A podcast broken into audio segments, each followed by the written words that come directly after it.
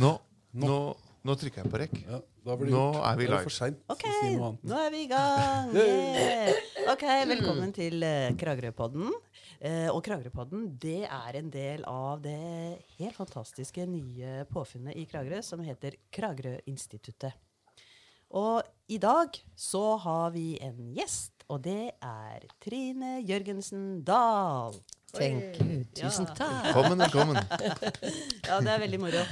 Eh, og ehm, Trine, det vi driver på med i denne Kragerøpodden, det Det er at Masse.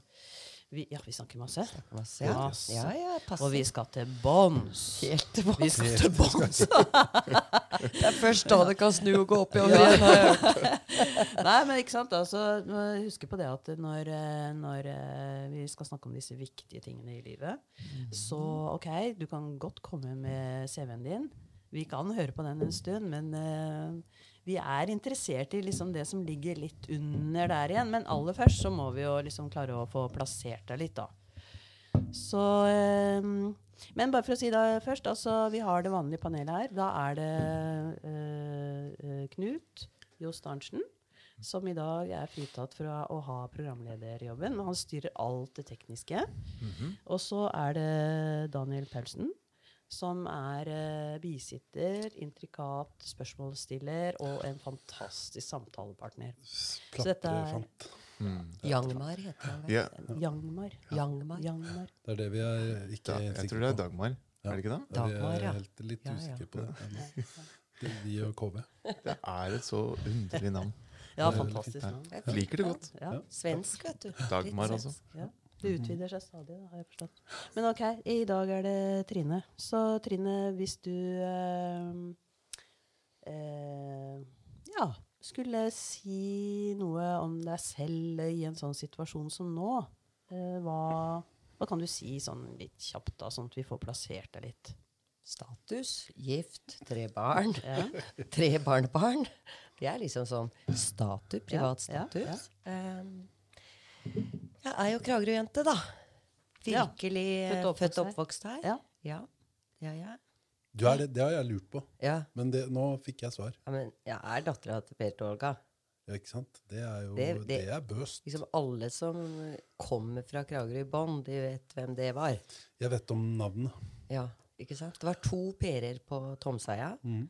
Og den ene var Per til Annie, og den andre var Per til Olga. Ikke sant? Og det var min far. Og Olga visste ikke alle hvem, alltid hvem var.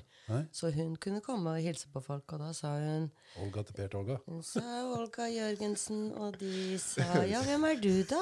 Ja, men jeg er mor til Per til Olga, jeg, sa Olga. Visste de hvem hun var. Ikke sant? Og så var du, det, det, du kommer fra en stor familie, ikke sant? Jo.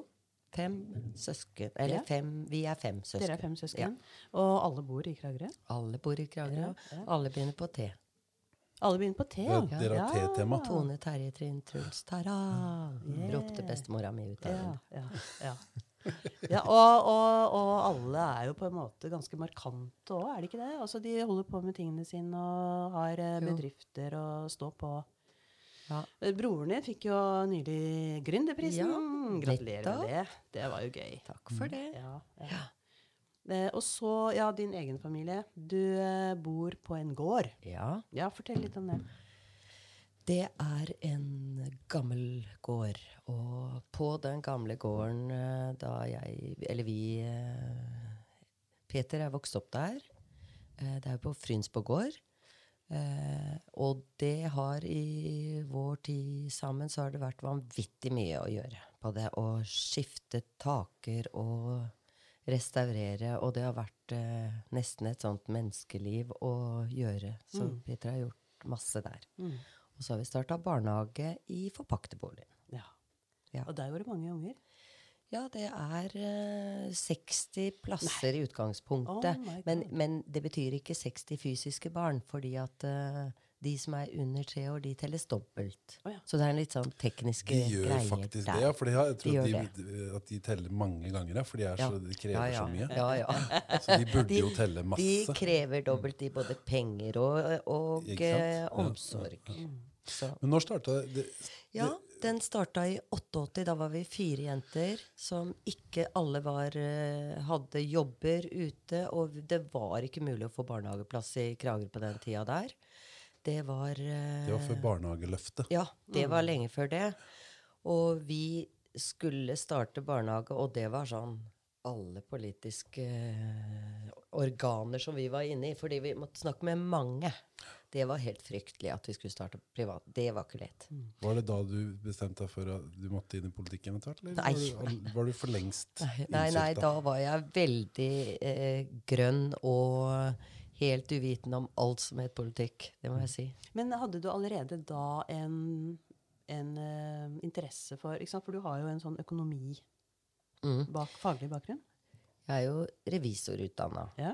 Uh, og når den er det, så har den jo den i sekken. Så Mm. jeg tok jo den biten. Men vi var jo fire mødre som for så vidt starta en barnehage hvis det bare sånn kjapt på den. Da. Mm. Så vi var bare tolv var bare 12 barn først, og så 18. Så, og vi hadde alvorlige protokoller og alt mulig. Det var kjempealvorlig. Ja. Men vi fikk i hvert fall godkjent den. Eh, Og da gjorde jeg økonomien på det, hvis det var det du tenkte på. Ja, ja, eller ikke sant? Altså det å kunne klare å gjøre mange ting på en Ja. gang.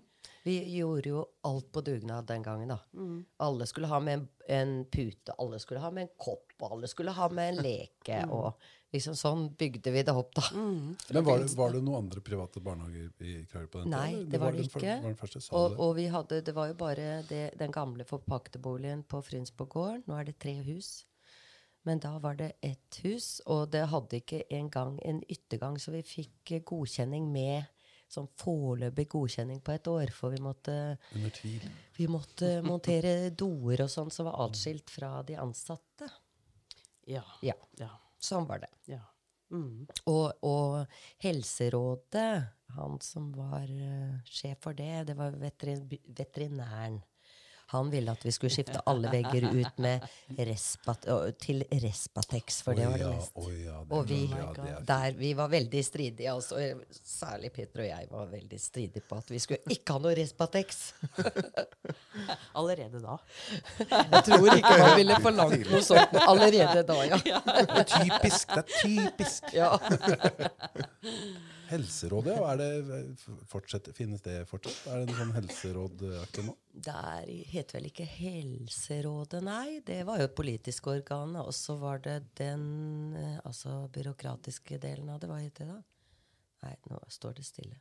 Arbeidstilsynet. Nei, det, det var i tillegg. Det var i tillegg. Og det er i tillegg. Det fins. Ok.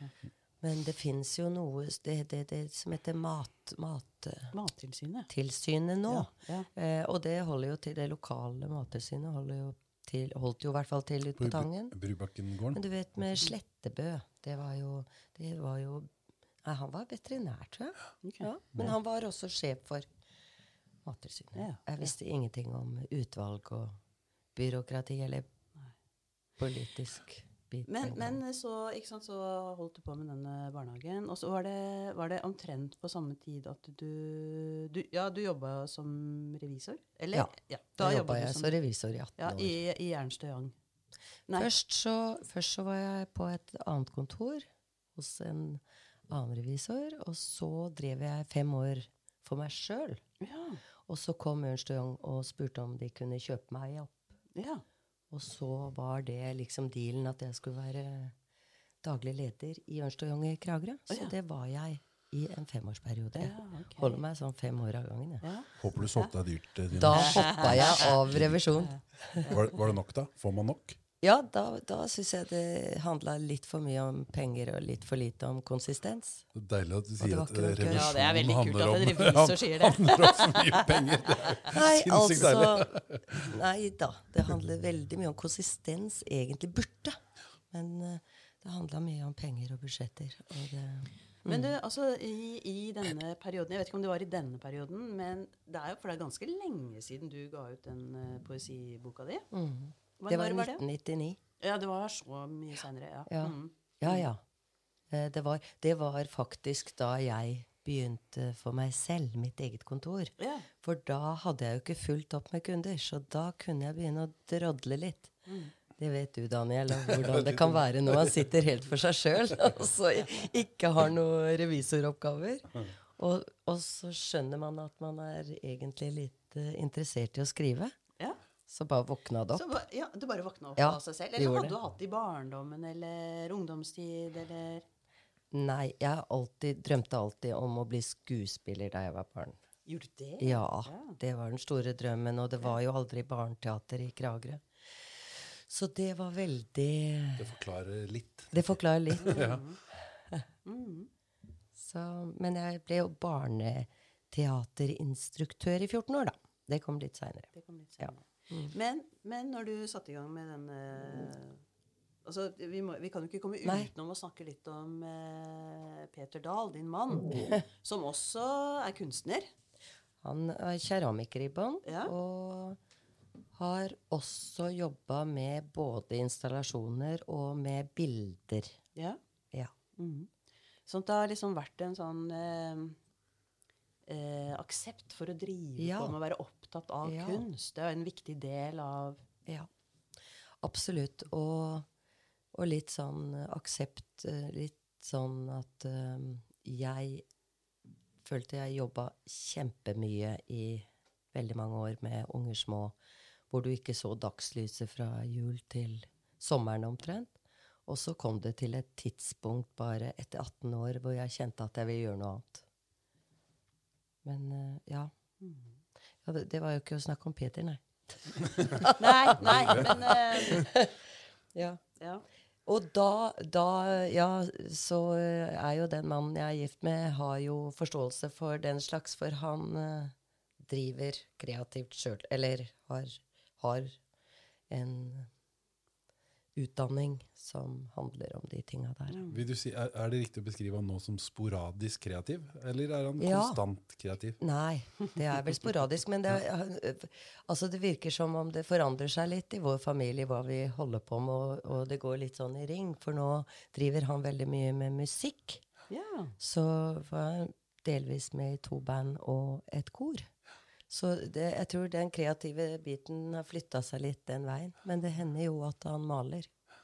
Ja, Men ikke keramikk. Nei. Ikke keramikk. Nei, han ødela en finger en gang, så det ble vanskelig med dreying. Men jeg tror han kunne fått det til nå. Vi maser, maser han Vi jo gjerne ha noen kopper og sånt. Jeg, jeg er grusomt å knuse. I sinne eller i Nei, nei. Svimete.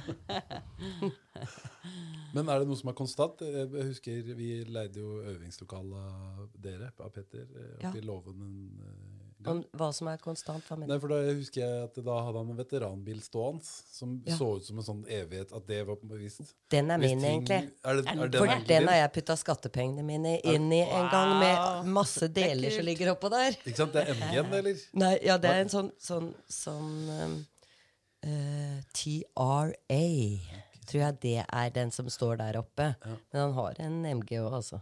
Men er det progresjon i det prosjektet? Nei, ikke, Det ikke, det. men Nei. i mellomtida så har han jo eh, altså restaurert en Cog som hadde kjørt i Fått et tre over seg, som han fikk av Morten Thoresen, som nå ikke lenger finnes. Han eh, ga bort den koggen Coggen som skulle gå på søpla til Peter, så han har skifta bordganger i den. Ja. Så han har gjort den type ting. Og pluss at han har skifta bordganger i en gammel pram som jeg fikk i fjor. Han har Så nå har jeg fått robåt. han har noe å henge fingra i. Han har det. Han er så flink, altså. Ja, Han er, eh, ja. Mm. Så moro. Men er det sånn, er de, er de prosjekta liksom er det, er det noen sånne ting som er alltid jevnt, mens de andre tinga, som du sier, Ja, rullerer den. og sirkulerer Ja. og sånn? Når jeg møtte den fyren for mange år siden, så, så tenkte jeg han er jo gæren. Han holder jo på med så mange prosjekter. Eh, og det har jo ikke blitt bedre. Hjelper seg ikke. Hjelper seg ikke. han Alltid masse prosjekter. Men jeg er jo litt sånn sjæl. Ja, du er jo det. Du er jo det. Du har jo mange ting, gode ting på gang hele tida. Og, eh, og nå hadde det jo vært eh, Ja, Så, jeg, Ja, jeg må snakke mer jeg vil veldig gjerne at du gjør det. ja okay. teknikeren er meg. Det er Ja, ja, der er kom teknikeren Ja, frem. der kom teknikeren inn fra Mm. sida. Ja, ja.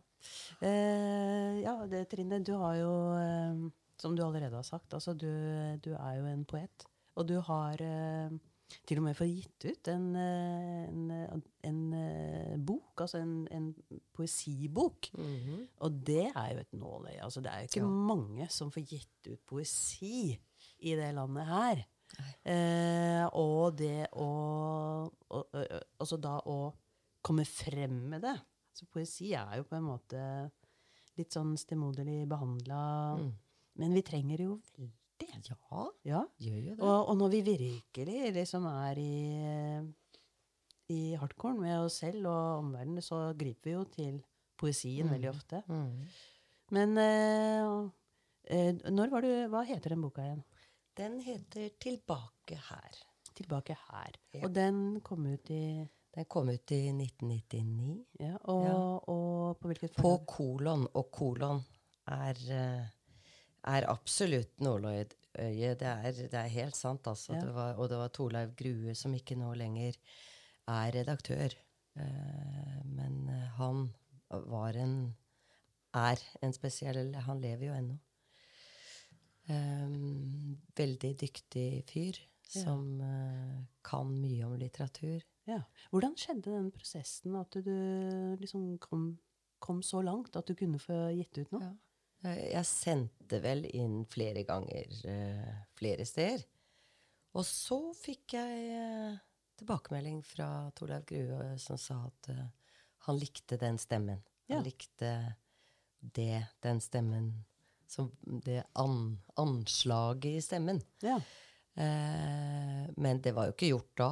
Det, da begynte arbeidet. Det er Det er skikkelig Ja. Og jeg har jo jeg har vært i kommunikasjon med forlag seinere om både noveller og forskjellige typer ting, og jeg egentlig um, fått tilbakemelding om interesse, men, men eh, liksom i forhold til den jobben som skal gjøres, da, da Det er så krevende. Er det du- Ja, det er veldig krevende. Okay. Eh, dikt er én ting, da.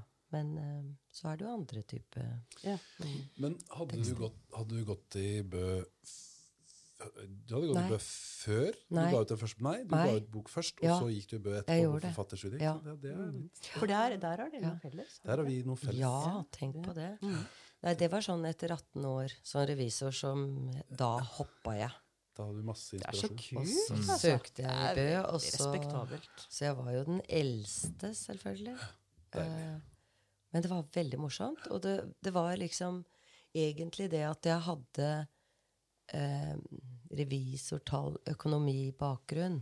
Jeg savna det med altså å ha uh, mer kunnskap om eh, litteraturen.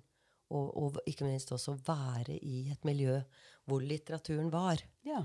Det hadde jeg veldig, veldig Var ikke det deilig i Bø? Var du ikke fornøyd med det året i Bø? eller? Jo, både og.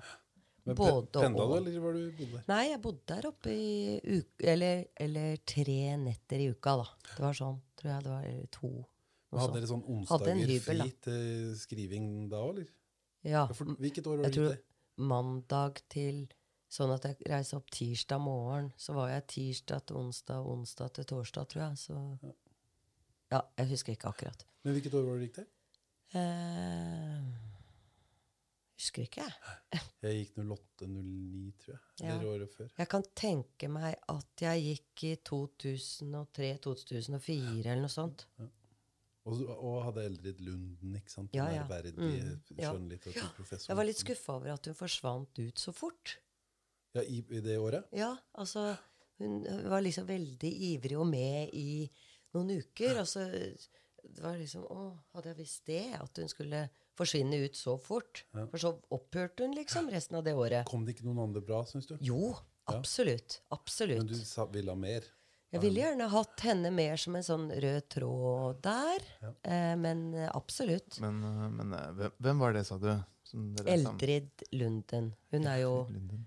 En veldig Grand old Ja, lady. alle, alle vet hvem hun er, bortsett fra meg. Er det, ja, er det der ja, ja, er? jeg tror nesten det. Ja, du, Du har hørt om Gandhi, på- Knut? Eller Sandi?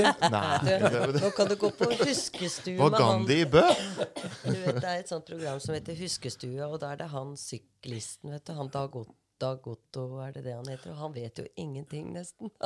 han ble spurt her om dagen om Ja, det var um, Jeg kan relatere meg til Dag Otto. Det er, det er, men det er, altså det, er, eh, det, det som sies at Eldrid Lunden er jo et kjent og kjært navn i det litterære Norge, men ikke så, selvfølgelig ikke så mye utafor. Men hun er en fantastisk dame som har jobba og gjort veldig mye for skriveutdanninga i Norden. Hun er den første altså, eh, forfatterlinja i Bø. Eh, igjen med fare for at jeg ljuger og gjentar meg sjøl i gang. Som jo er kjent. Eh, og nå har jeg begynt å gjenta at jeg gjentar meg sjøl òg, i tillegg. Så nå er jeg jo virkelig på gang. Det er en vedtatt sannhet. Ja, Men det er en vedtatt sannhet. Men eh, så jeg mener, eh, og er ganske sikker, 98% sikker på at hun var den første som fikk til en skjønnlitterær utdanning. Lenge før Sverige. Og, og oh, ja, ja, hun var tidlig. og så er hun den eneste professoren på, på skjønnlitteraturskriving. på- Eller var første, første Ja, professor ja. på skjønnlitteraturskriving. også. Og en veldig varm og fin uh, inntelemarksk, flott dame. Ja. Mm. Men, eh, Og hun har vel vært innstilt til nordisk Så det er en litteraturpris? skam at de går har. Jeg, jeg kan bare, I den sammenheng kan jeg si at det er en veldig fin uh, bokbutikk nede i byen som heter Bøker med mer, som har bøker av. Jeg, altså, ikke, jeg bare følte at jeg måtte nevne det. ja, ja, ja, ja. Hver gang man går forbi der, så sitter Daniel uh, på en stol, litt, litt sånn lav stol, og så drikker kaffe. Og så smiler han til deg. Ja. Ja, men jeg gjør mange Hvis du går forbi, ting. da. Det hender man går innom. Ja, altså, altså det å gå innom uh, bøker med mer, det er jo også å komme inn i en mulighet for å få en, en god samtale. Dette er reklamesegmentet, Trine. Ja, bare hvis du lurer. Ja, ja, ja, ja, det er podkast. Vi må Veldig drive med reklame. reklame. Må ha god reklame når den skal Ja, men altså, jeg skal si deg en ting. At det, Og så billig. Også det, det å ha sånne steder som Bøker med mer, det er jo helt fantastisk. kjempeviktig. Det er så bra. Ja, det syns jeg òg. Ja. Det er helt. Alt som tenker som på en måte beveger tanker eh, Alt fra kunst til litteratur, tenker jeg, så er jo kjempeviktig for Mm. et sted. Men Tine, nå eh, satt jeg her og tenkte nå, akkurat i stad at jeg hadde jo noen av bøkene dine hos meg. Men Ja. hva skjedde med de? Nei, har du solgt noen? Nei, Må du stå til rette, altså? jeg har ikke det. Nei. mener du, Men mener jeg- du noen av eksemplarene på den poesiboka? Nei, men det var en, det var en Det var den- den- senere som er jeg har jo den kjempefin, der, med foto og, Ja. Kragerø. Nei, jeg har ikke hørt noe, jeg. eh, Daniel. Nei, Du har ikke hørt? Du Har venter ikke hørt fortsatt. noe, jeg. Men, nei, men for, for å, Jeg regner med at du har de i en eller annen krok. Jeg har i hvert fall ikke henta de. For, eh, for lytternes del så vil jeg bare nevne at jeg sitter i, med min, eh, i min hånd en bok som heter I hukommelsen. eh, Liten by i Norge. Av Trine Jørgensen Dahl. Yeah! Ja, ja. Trine Jørgensen, da!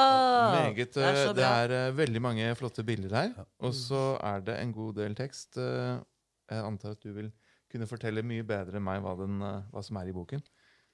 Men eh, ja, jeg merker at jeg, jeg, jeg driver og blar i den nå. Jeg har ikke lyst til å gi den fra meg. Nei, Men, så bra. Ja. Men fortell, hva er dette for en bok? Nei, det er eh, Jeg hadde jo laget en del tekster, og så ble jeg bare veldig sånn helt keen på å leite fram bilder. Jeg fikk helt dilla, rett og slett. Så jeg, jeg begynte jo å tenke på en bok, men før det så holdt jeg jo på i sikkert eh, to år med å hente inn bilder. For jeg hadde jo tusen ganger mer bilder enn det jeg kunne få bruk for i en bok. For jeg innbilte meg at jeg måtte ha alt, sånn at jeg kunne på en måte plukke det jeg ville inn i den konteksten som den boka skulle bli. Men når det kom til stykket, så var, hadde jeg jo altfor mye, og det ble fryktelig vanskelig å velge.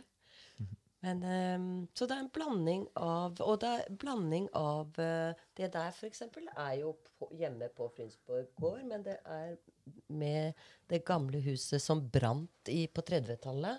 Og så er det med hest og kjerre fra Frynsborg, hvor de hadde høner og hadde samla inn eh, Jeg kan tenke meg at Det ser ut som det er kasser med Men de har satt seg fast eller noe sånt. Noe med Det står eh, 'Slakt 2500 Slakt, høner'.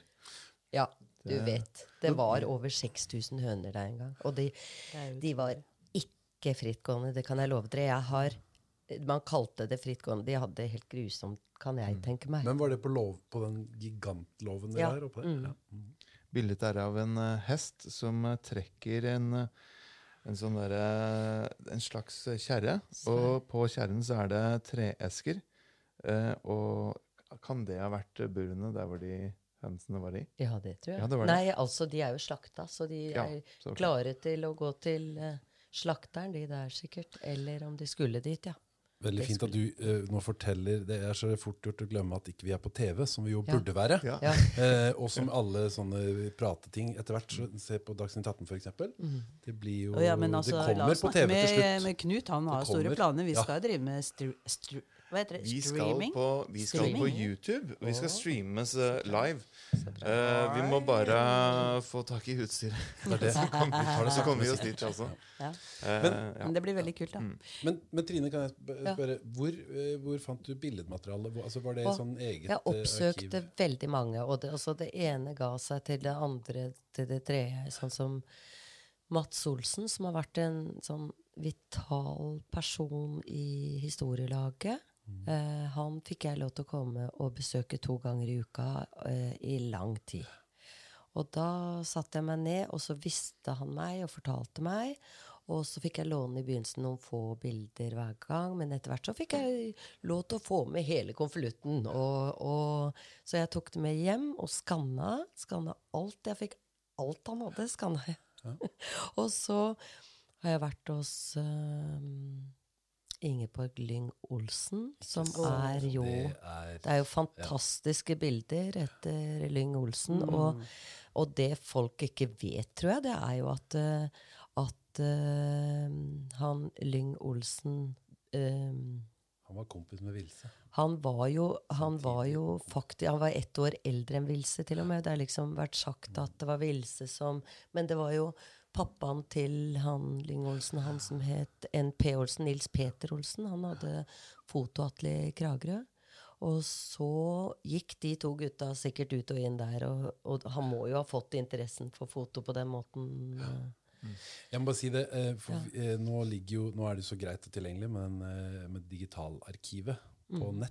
Som du kan, og der ligger det Mm. Ja. sånn tusenvis av Kragerø-relaterte Ja. bilder. Har du Ja, vært der? ja, ja. Kikket- har har Ja. dere vært der? kikket? Jeg kjenner ikke til det. Hvor, hvor sa du det var? Det er digitalarkivet. Bare, altså, di, eh, Man googler det? Digitalt museum eller, jeg, Mm. Jeg har vært innom hva det Det er- titta.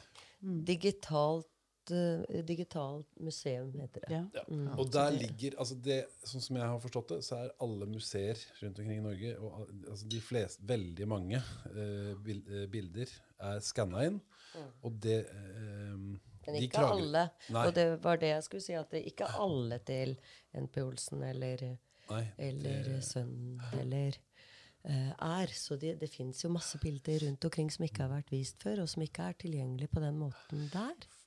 Det, eh, det eh, jeg eh, merker jeg snakker veldig mye, men Nei, jeg, jeg, har det tenkt på, jeg har tenkt på det, dere, at podkastformatet er skummelt for oss pratemakere. Ja. Fordi da får vi liksom lov til å bare sitte og ja, men det er jo det vi vil. Ja. Tenk deg, nå sitter kanskje noen i bilen sin på Ja. vei til Skien. Og så hører på deg, og så syns jeg «Åh, det er litt deilig at du bare prater og prater. Jeg tror det. Ja. Jeg tror det er ganske mange som sitter og Åh, han Daniel Paulsen, da sitter han og maser. Nei, det gjør vi jo Det ikke, Daniel. noen av de også. Å, så det er helt fint greit. at det, det var derfor jeg sa det. Veldig hyggelig, altså. Nei, men, Ja, men Da eh, kan jeg bare si hva jeg tenker når jeg hører på dere to nå. Det er jo at nå er dere på gata deres, begge Ja. to. Og det er jo veldig gøy. At det er, dette er jo liksom eh, litt sånn kjært barn. Men jeg fikk, jeg fikk bilder fra mange andre òg, da. Mange private som ga meg eh, konvolutter som jeg fikk låne, og eh, sendte meg. Og, så jeg har sortert det inn i bydeler, inn i på en måte k Under krigen. Ja, mange krigsbilder, faktisk. Ja, ja. Og, og, og for ikke å snakke om Arvid Hansen, da. Arvid, vet du, de hadde jo Altså etter faren til Arvid, Arthur Hansen, hadde jo de, de eh, Hadde jo foto eh, ja, de fremkalling. De, de, fremkalling eh, samtidig som de hadde musikkforretning. Sånn, Så- eh, I så gamle dager hadde man mørkerom, var det ikke Så, sånn? så det, det var Han hadde jo masse som jeg fikk låne. Jo. De hadde plateforretning. nei, jeg vet ikke om de sendte De sendte det vel. Oh, ja, Jeg ja, tror de ja. gjorde det. Godfjell og Men hva var det som, hva var det som f- eh, fatta Nå spør jeg, for jeg Ja. har noe jeg tenker på seinere Ja. i samtalen. Ja. Men hva var det som liksom fatt, du fatta interesse for? Er det liksom det dokumentariske? Er det det at du, er det noe sånne Hva, hva, hva leita du etter? Liksom? Nei, det er, var jo det helt besnærende med å kunne gå rundt omkring i Kragerø, og så, og så finner du de sporene av det du ser på de bildene. Og jeg ble jo det, Jeg tror nok sikkert at den tida fra Bygningsrådet, det kommer vel sikkert inn, Mm, inn ja. har satt uh, spesiell interesse for det. Mm, det. Det var bare helt utrolig å se hvor mye egentlig som er intakt i Kragerø. Jeg syns, syns faktisk at selv om veldig mye kan ha blitt ødelagt opp gjennom uh, tida, så har det egentlig blitt satt i stand igjen fra 60-tallet og opp igjen. Ved at man har restaurert så mye, fått bort uh, sånne plater på veggene, fått vekk uh, husmorvinduer og gjort det Fått begynt å liksom Men utrolig masse bilder fra, fra NP Olsen, for eksempel, fra den tida der. Du kan gå inn i, i smauen i Kragerø, og så er det sånn i dag. Bare det at eh, så var det noe med det uttrykket på de menneskene som, som sto der i de bildene, da. Som jeg har noen av i de Det er jo liksom De står der med sånn Og så får jeg lov til å lese ett dikt som jeg har skrevet. Mm, det. Som er det, det er fra det bildet her fra Da- da er det fra- Da er det fra den, eh, den Kragerø-boka. I hukommelsen, ja. Ja. Og så neve det som var eh, eh, eh, Nede i altså Lille Kirkebukt. Så hadde jo H.R. Larsen Han var seilmaker. Jeg må ikke si for mye nå, for jeg sier det jo helt feil, sikkert. Det går bra. Det Ja. går bra. Men er trenger du Men- men i bedre hvert lys? fall. Trenger du bedre lys? Klarer du å Nei, jeg tror jeg klarer det. Ja. På fotografiet er ansiktene nesten borte. Bare barter, en strek av en munn, svakt tegnet øyne står igjen. Barna, hvite, flate, som om de er underutviklet og ennå ikke har fått ansiktstrekk. Det var liksom det fascinerende med de der hvite ansiktene. Det er ja. ja, Jeg bør ikke overforklare en tekst. Nei, det, skal man Nei, ikke. nei, nei, nei. må man bare kikke på bildet. Altså. Men er det litt sånn eh, var det også, er, det litt sånn nostalgisk prosjekt på dem? Altså det, det, det trenger jo ikke være så Nostalgi er ofte litt Nei. sånn uglesett, syns jeg. Jeg syns nostalgi, nostalgi er helt topp. Ja. Men er det sånn i forhold til sånn barndoms... Altså, Leita du litt etter ditt, ditt barndomskrager òg, liksom? Eller? Nei, jeg kan ikke tenke Jeg kan ikke huske egentlig at jeg hadde sånn oppfatning av det som barn, egentlig. Eh, og jeg kan ikke eh, Og hvis den leser tekstene mine, så ser den at ikke det er, det er ikke, jeg er ikke opptatt av det sentimentale, egentlig. Jeg liker også moderne, moderne eh, arkitektur, jeg. Absolutt. Men jeg Det må settes i sammenheng. Det er det. Det er derfor jeg liksom har maser om det når det gjelder i de gamle bydelene og sånn. Men før vi kommer inn på det Ja. eh, for det, Hold igjen, hold igjen. Ja, ja, for at, eh, hold, hold, hold your horses! Her, her, her vil du Her er det mye. Det er så mange kuer lause. Nei, for jeg bare tenker at eh, før vi liksom går virkelig løs på kanskje det som er mer nå Veldig aktuelt nå, da. eh, den poesiboka di. Vi, eh, Ja. vi, vi bør jo eh, Ja. dele litt av den. Er Ja. det noe derfra du kunne tenke deg å fremføre? Ja. Ja. Det var ikke egentlig de jeg hadde tenkt å lese litt fra, faktisk. Men jeg kan godt gjøre det. Uh, ja, skal jeg lese fra den første poesiboka mi? Du kan ja, det var det jeg kan tenkte på. velge. Ja, det kan jeg godt gjøre. Ja, det var det jeg tenkte på. Bestem- her bestemmer Det er jo eh, Det handler jo litt Altså, det er jo litt i slekt med hverandre ved at eh, den siste boka heter 'I hukommelsen liten by i Norge', og den første heter 'Tilbake her'. Det handler noe om tid, Ja. og det handler noe om spor. Det er ikke rart jeg spør om noe sånt. Nei. på en måte. Nei. Men det er ikke Men, men jeg opplever i hvert fall at teksten min, den Jeg, jeg fordrar ikke egentlig eh, for egen del å skrive noe som skulle bikke over til å være sentimentalt, eller, eller når det gjelder Hvis jeg skal forsøke å gjøre det litterært, da, da, kan jeg, da kan jeg ikke ha en antydning av noe som er sentimentalt eller søtt, på en måte. Men Trine, bare, bare for ordens skyld. Nå Ja. snakker jeg om nostalgi, og så snakker du om sentimentalitet. Ja, Bare, ja. altså, bare sånn Ja, men der er det, det er likheter, men det er også forskjeller. ikke sant? ja, Men det, jeg bare Men, sier Ja. det som en interessant Mm. altså, ja. det, man, jeg oppfatter det litt sånn i samme lei på et eller annet vis. Fordi at det, det er vel sånn man ofte blir tatt på det i forhold til Hvis man har en mening om eh, eldre arkitektur i Kragerø, så blir man ofte huka på nettopp det. da. Å, dere er så nostalgiske, og det- alt skal være som før, og alt skal bare Og det er noen få som synser om sånt. Men jeg syns jo ikke det handler om det, da. Men det kan vi ta etterpå. som Ja? Det må vi, for det må vi, det må vi ta en runde på. jeg skal se om jeg kan finne en, et dikt her. Da kan ikke dere skravle bitte Vi kan skravle. Vi Jo, kan skravle men litt. å, jeg har så lyst til å spørre deg om en ting mens Ja. du leter. Ja. går det her, får er tenke i det hele tatt. Ja. Eh, for dette, det du sa nå rett før vi begynte å prate om noe annet igjen, det var Ja. at uh, du ikke har lyst til å skrive noe som er søtt eller uh, klissete.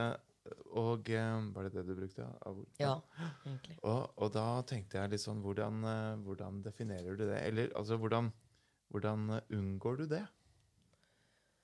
Uh, jeg, hvis jeg skriver dikt, så, så har jeg en tendens til å skrive det 100 000 ganger. Altså mange ganger. Og jeg må lese det om igjen og om igjen fra forskjellige typer. Og jeg må prøve å lese det gjennom andres øyne for å prøve å få det, det uttrykket jeg vil på en måte ha, da. Eh, nei, det er, det er bare å forsøke å finne den stemmen som du eh, tror at er din stemme når du vil lage det. Det er ikke for å, å det, er, det er mitt uttrykk. Det må være det, det er sånn jeg kjenner at det uttrykket må være. da. Ganske sånn kjølig. Mm. Er det upolert, på en måte? Eller sånn, er det et ord? Jeg vil, vil veldig gjerne at det skal på en måte Nesten litt som et sånt abstrakt bilde som man maler, som man ikke skal på død og liv forklare hva som er bakgrunnen til, men at orda står der sånn nakne og eh, gode, fine i seg sjøl. At det gjør en sånn Jeg tenker på Hemingway. jeg. Er det en eh, Han er jo romantiker, da. er det helt feil gate? Men jeg syns Godt forsøk. Nei, men han, skriver, det er ingenting som er feil. Knut. Ikke noe feil. Nei, men Heming, Hemingway skriver jo vakkert. Men det er jo Han, han bruker jo flere ord. Han, han, ja, han er jo å si at han, han sier litt sånn derre Og så så han at uh, Julia eh, gikk videre med Johannes. Og så vet leseren at Julia er, eh, er eh, dama hans, holdt jeg på å si. Og så, og så sier han ikke noe mer. Sånn derre Megetsigende. sånn, Ja, altså, man, da sitter leseren igjen med en sånn derre Oi, nå han nå, nå gikk det forholdet i, i vasken. Men uh, det ble ikke forklart, liksom. Uh, men, uh, men han er romantiker, han. ja ja, det er helt feil. Kjør på, Trine. Ordene faller som dugg og regn. Du er et barn, og de snakker til deg. Du er en navnløs de ikke husker. Bare en sånn liten buss. Men er ikke det å lese altså Det der du snakker om å, å, å på en måte finne, se, få andres blikk på det Ja. Er ikke det sånn konkret For det, det kjenner jeg jo igjen. For jeg driver jo og skriver dikt på Ja. kvelden, jeg òg. Av og til. Men at det, man, det å bare lese det i en sånn ny kontekst, sånn som her f.eks., kan være en måte å oppleve diktet på en ny måte, i en ny kontekst. mm. Og få et litt, en liten annen følelse for det. Er, det. er det noe av det du snakker om? Ja, og det, det tror jeg absolutt. Jeg, hvis jeg eh, Jeg har en hang til å skrive dikt til folk hvis det er fest, eller hvis det er bursdag, eller sånne ting. Og da er jeg mye lettere på foten. Da er jeg mye mer upretensiøs, eh, og kanskje jeg skriver mye bedre da, egentlig. Når jeg på en måte skal blåse i den der eh, Kunsten. ja, hvis du skjønner. ikke skal, det, det, det streber ikke mot noe utgivelse eller stå i stein eller noe sånt noe. Og kanskje er det det beste. Så det, jeg tenker jo på det, da. Ja, jeg har mm. Men eh, det som jeg Jeg er jo veldig glad i dikt. Så jeg, jeg, ned på den eh, fine kan vi, kan vi ha sånne bøker med mer uh, kling? sånn reklame. Nei, men, Har bare denne. ja, det har bare den. Nei, men jeg har en, det, jeg, det er viktig for meg å ha en lyrikkavdeling. Men det Ja. jeg pleier å si til Og det er jo veldig overraskende mer etter hvert. Lese mer. ja. Det er veldig overraskende med, med hvem som kjøper lyrikk. Men Ja. altså, det er vel eh, Du var inne på det i stad, Marit. Men eh, at lyrikk er litt sånn eh, Det er et nåløye, det er trangt, det er smått, og det er eksklusivt. Og det er, liksom, og det er kunst, og det er pretensiøst, og det er sentimentalt. Det, er, altså, det er mange sånne ord man forbinder med, med, med lyrikk og poesi. Men samtidig så er det litt sånn at eh, poesien er Jeg pleier å si det, at det er eh, litteraturens YouTube-klipp.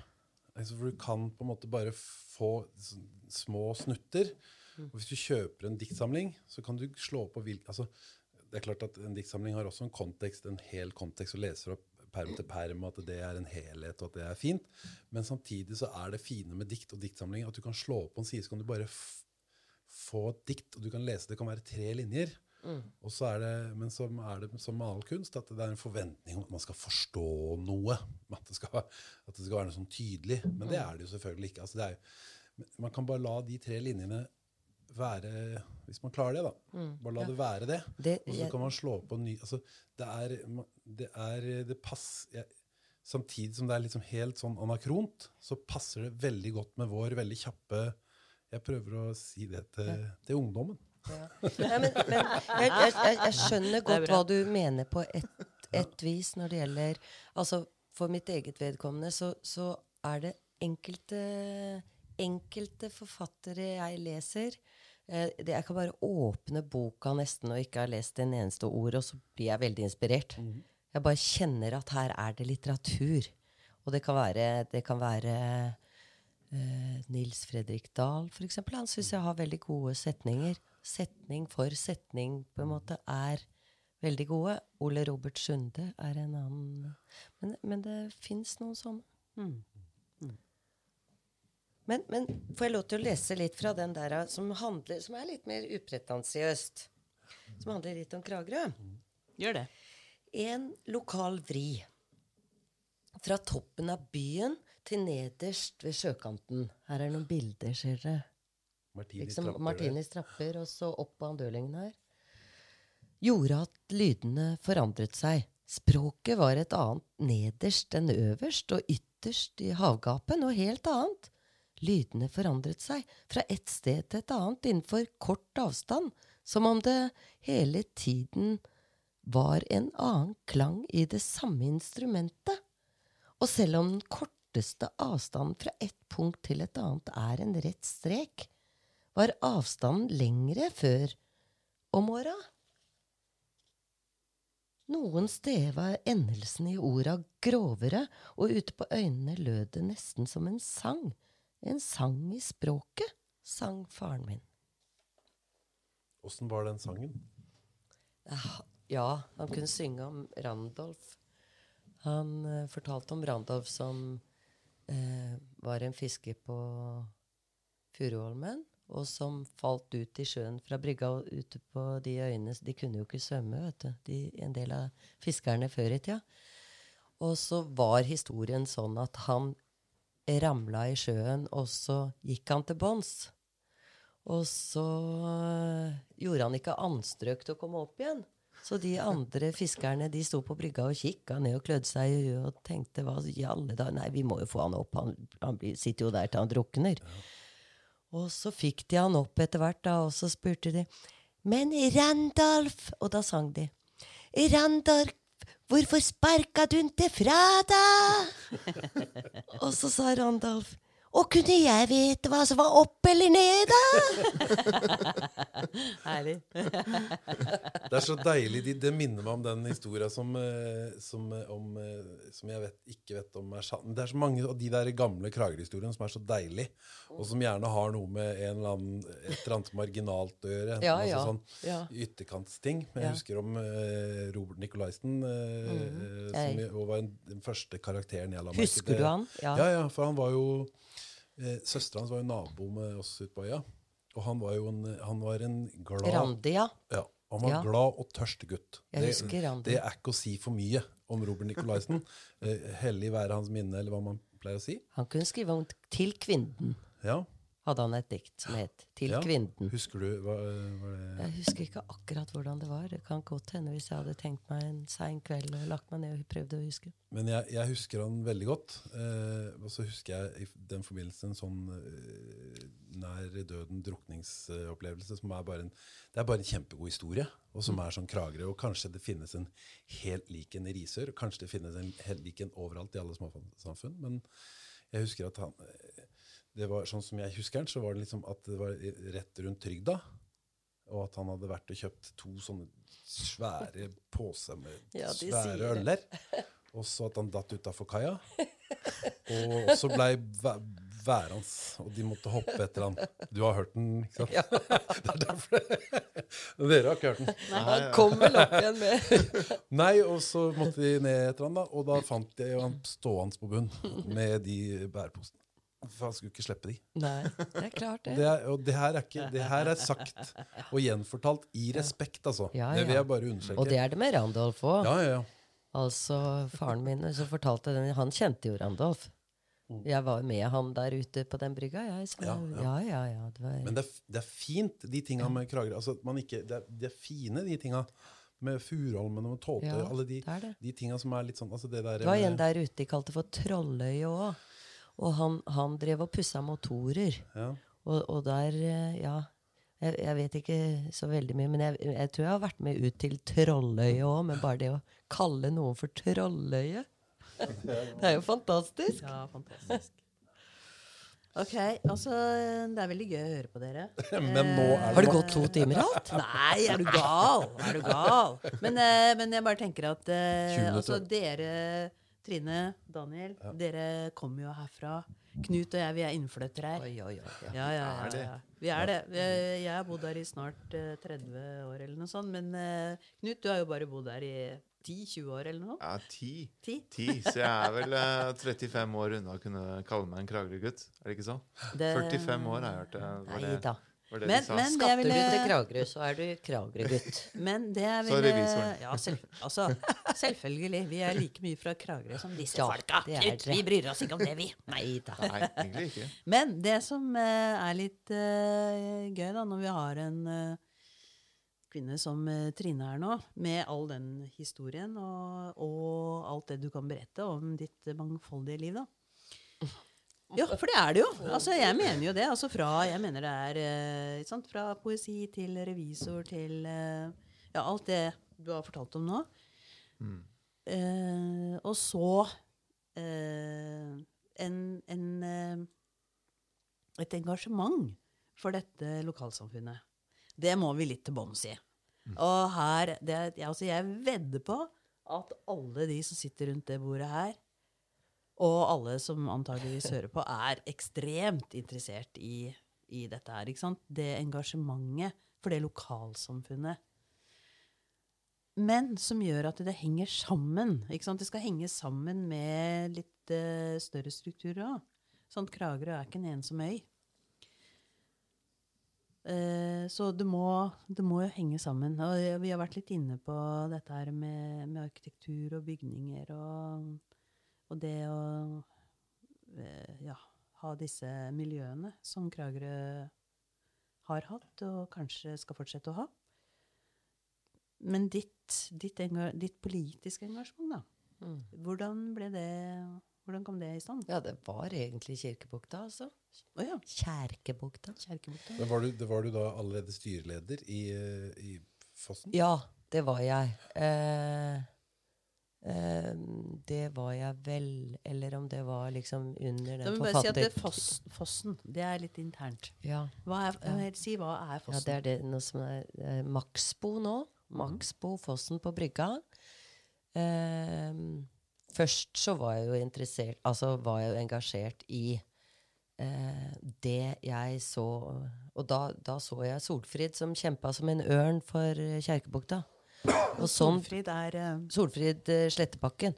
Og Ja. sånn Og hun var har det vært, hun egentlig. har vært en, eh, en leder i Venstre Ikke sant? Varaordfører. for- Varaord- Varaordfører. Ja. Mm. Eh, men hun var av de få menneskene som på den tida Jeg var ikke, har aldri vært med i noe politisk parti eller eh, Før jeg på en måte ble spurt om å stå på den lista.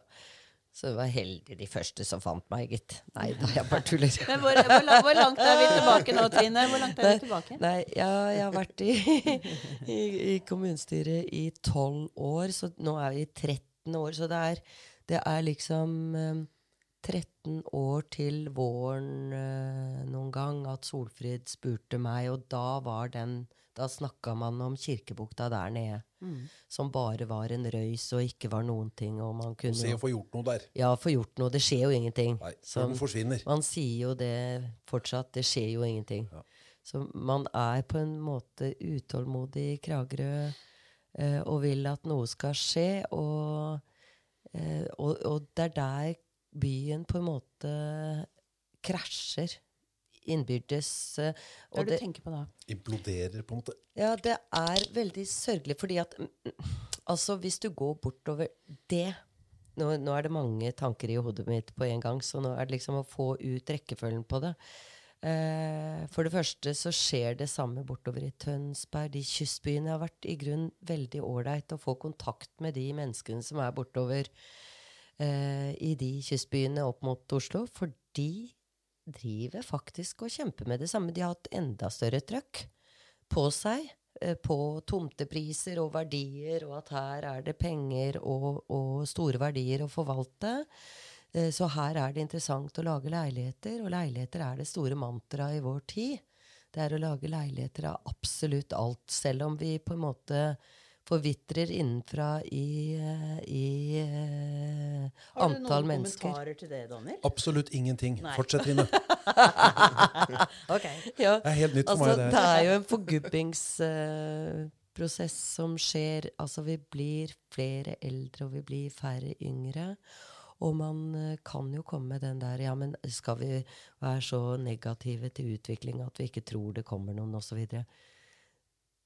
Så, selvfølgelig eh, er jeg ikke det, men, men det er Det skjer over hele landet. Når man ikke bor i Oslo, Trondheim, kanskje Bergen, så skjer det utvikling med antall mennesker. Men ellers, alle andre steder, de blir færre mennesker. Det er en problematikk som er dagsorden i alle byer. Eh, men likevel så skal vi på en måte vokse til himmels med leiligheter. Fordi, og jeg skjønner jo det, de som lever av sånt, å utvikle leiligheter og bygge leiligheter, at det, det er penger å hente i det. Men jeg, jeg syns det er noe med hele greia på at man skal gå på liksom indrefileten rundt senter, sentrum av byer og ødelegge de.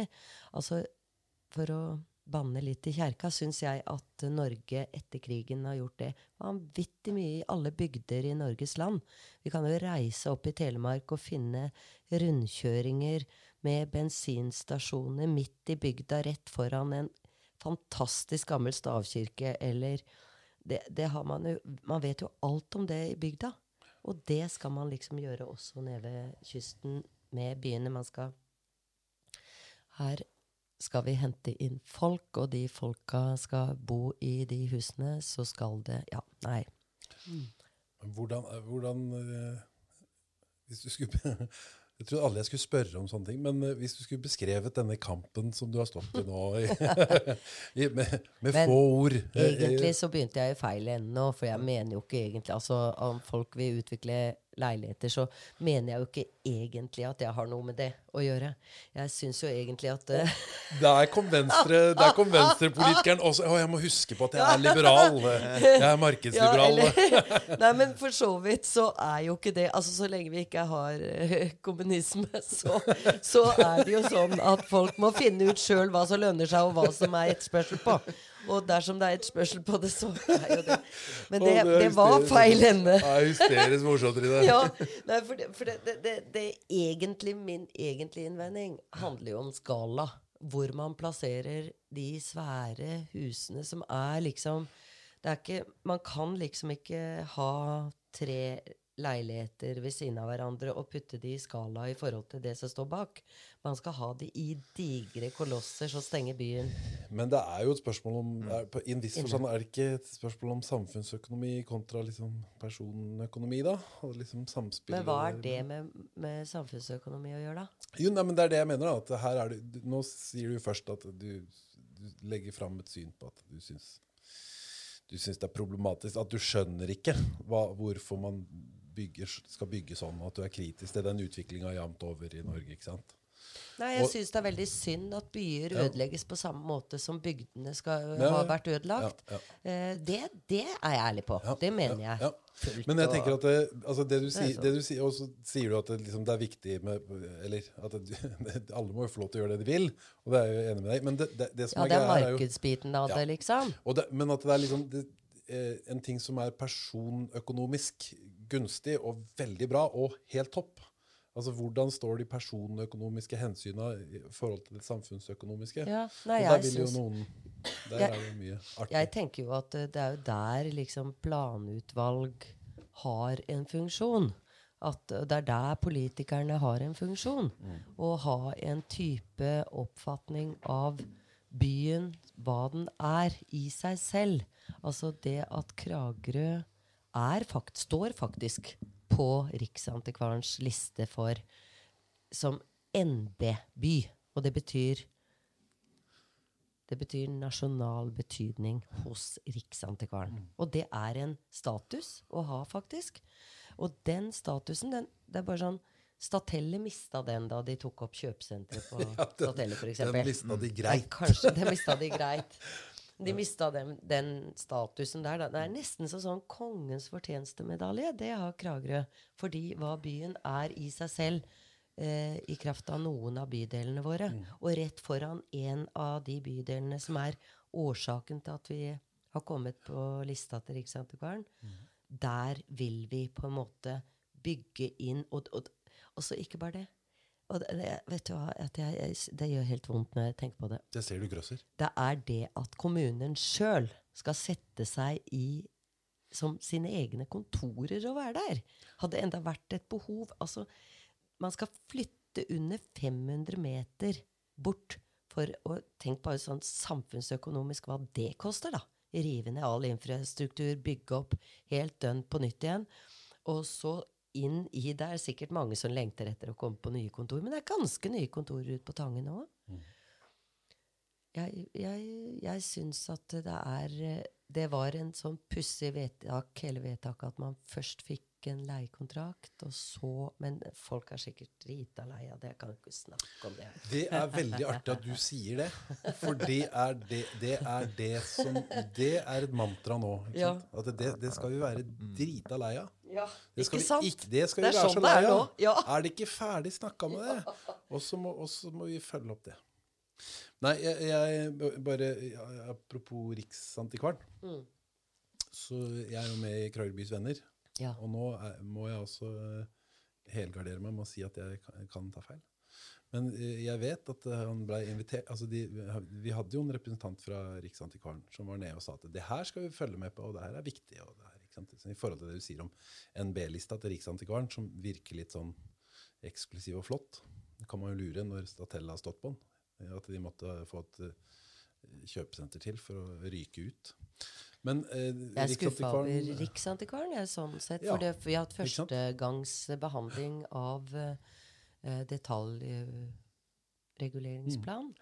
Og verken fylkesmann eller eh, Riksantikvaren har Mm. egentlig gått noe særlig inn i det. Og så skal de bare rope etterpå og ta fra oss status osv. Og, så og da, skal de, da skal det være ille. Men, eh, men foreløpig så må vi på en måte kjempe i det sjøl, på en måte. Men det, og det, ja. Men det er viktig sant, for å nyansere det bildet av Riksantikvaren. Og det er også viktig for, eh, i, med hensyn til liksom, at hvis ikke vi Vi kan ikke stole på at noen andre enn vi Altså, vi må først bry oss. Mm. Vi kan, vi kan faktisk ikke stole på at noen andre skal komme og redde oss her. Nei, I forhold til sånne type avgjørelser, da, hvis man syns at det er eh, noe dårlig, enten ved prosess eller Ja. resultat. Eller. Men da kan jeg bare komme Ja. litt med litt innspill i den Ja, rørende enigheten her, da? Nei. Ja. Knut, kom an, nå må vi liksom Ja. eh, Meld ja, ja, for jeg bare lurer på en ting. Altså, det er greit, det. Vi kan uh, det, det er mange gode, gode grunner, helt sikkert, til å, å eh, bevare mye av det arkitektoniske og miljømessige som man kan eh, si at Kragerø er, da, identiteten til Kragerø. Men det som vi alle, eller veldig mange, lurer på, det er jo ja, det på den ene side, og på den annen side hva skal vi leve av? Men vi lever jo ikke av å klippe hår på hverandre. Nei. Vi lever heller ikke av å flytte kontorer fra et sted til et annet. Det er jo som å Vi kan ikke leve av å bevare tingene som de er, heller. Nei, hvorfor ikke? Hvorfor, Eh, hvorfor kan jo- klarer ikke Oxford å overleve, mener du, eller? Ja, men, men hvordan Altså, tenker du at det finnes jo masse kan historiske Venezia eh, klarer de ikke å overleve fordi at man har vært flink til å passe på. Det fins jo Roma. Det fins jo vanvittig masse byer som er beviser det motsatte. Det er hva, hva er det de gjør som gjør at de overlever?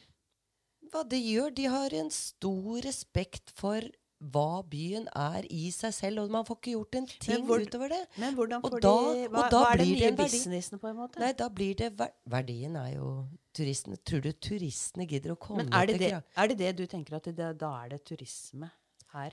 Det, det, altså, vi vil jo aldri få status som Roma for, har. Nei, nei, det tror jeg ikke. nei. Men Men- jeg tenker jo at uh, i en nordisk sammenheng så er Kragerø ganske enestående.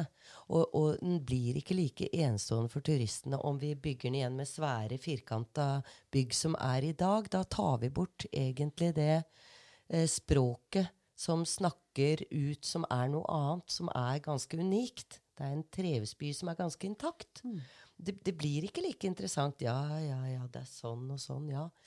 Nei, det tror jeg ikke. Men, Men- så, så du tenker det at eh, Jeg tenker det fins tusenvis av byer i verden som uh, har det gamle Altså som, som tenker respekt på dimensjon og hvor de skal bygge og hvor de ikke skal bygge.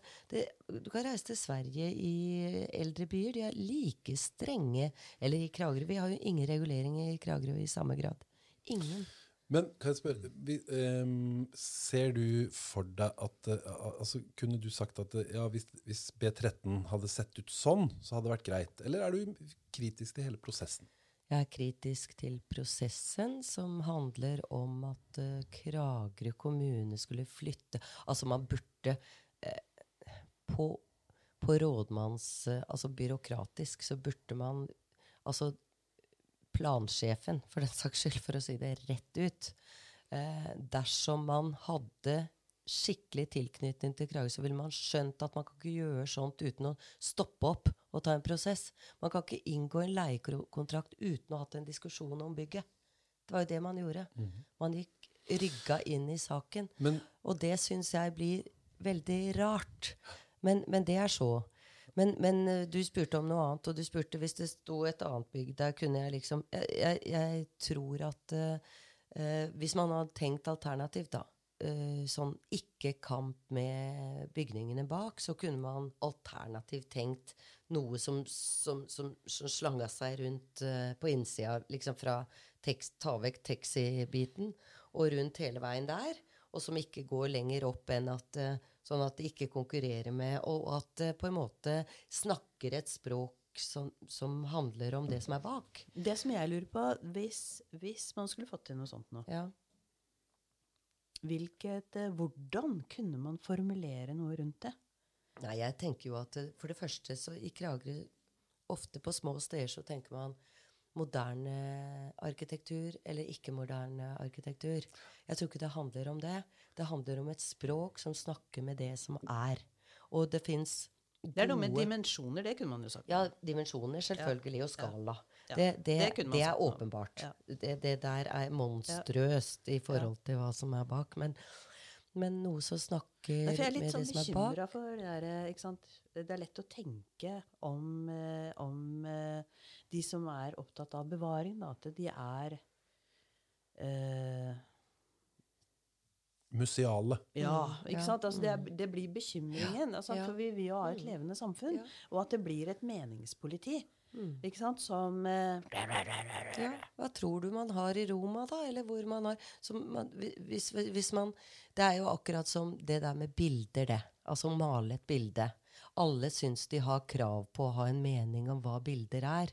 Og så er det liksom ikke Så syns jeg jo da at man må også ha respekt for at det fins mennesker som har tatt sju-åtte år utdanning på et akademi eller en kunstutdanning, og at det er noe som som står litt høyere enn en som bare mener. Synser, tenker du. Det er i hvert fall et språk om diskurs er som er pågående innenfor ja. et visst miljø. Ja. Og, og det der med eksisterende arkitektur, eller eksisterende bygg, det er noe som er bygd opp over flere hundre år. Og det er på en måte noe med vår generasjon som bare tenker at vi kan bare sette strek over det, og så bare bygge opp foran.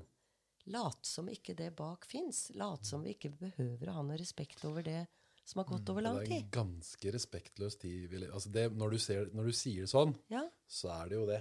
Jeg tenker det. For når man ser på størrelsesorden på de tingene som bygges altså, nå er nå, Jeg bare si det til alle, der, alle våre lyttere der ute som er så lei av B13. Ja, ja, ja. At nå har det kommet et nytt bygg på Hagen, altså Nå har det kommet et nytt forslag fra Arkitekthuset på, på Hagenbygget.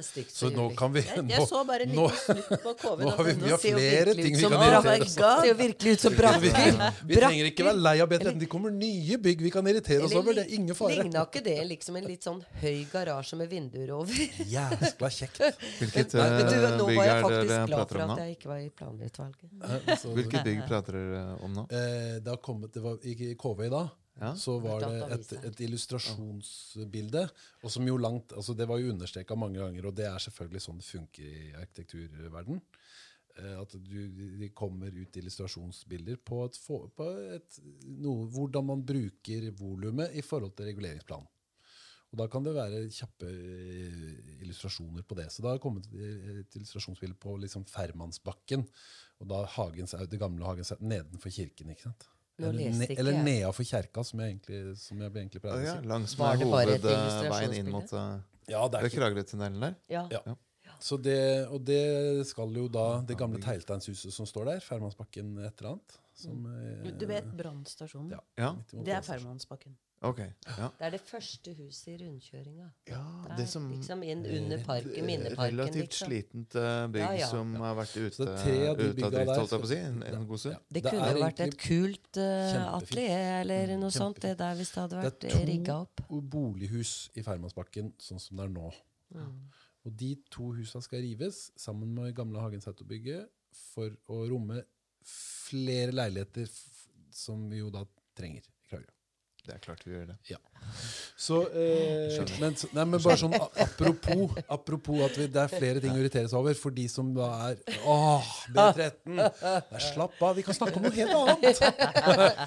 Men, Men du, eh, jeg, altså det bitte lille Unnskyld, Knut. Vær så god. Takk. Da, da vil jeg skyte inn at uh, du sa du var in, uh, irritert på Riksantikvaren.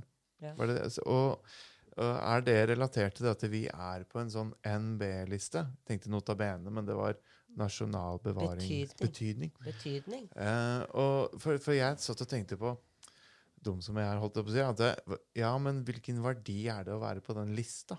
Det, altså, Jeg har jo aldri Mm. hørt om den lista. Det er sikkert andre som også ikke har hørt om den lista.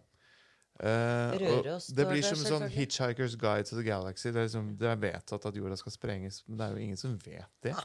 Eh, og vi er på den lista, NB-lista, og så er det supert, det. Mm. Er det da sånn at Riksantikvaren egentlig kunne ha gjort litt mer?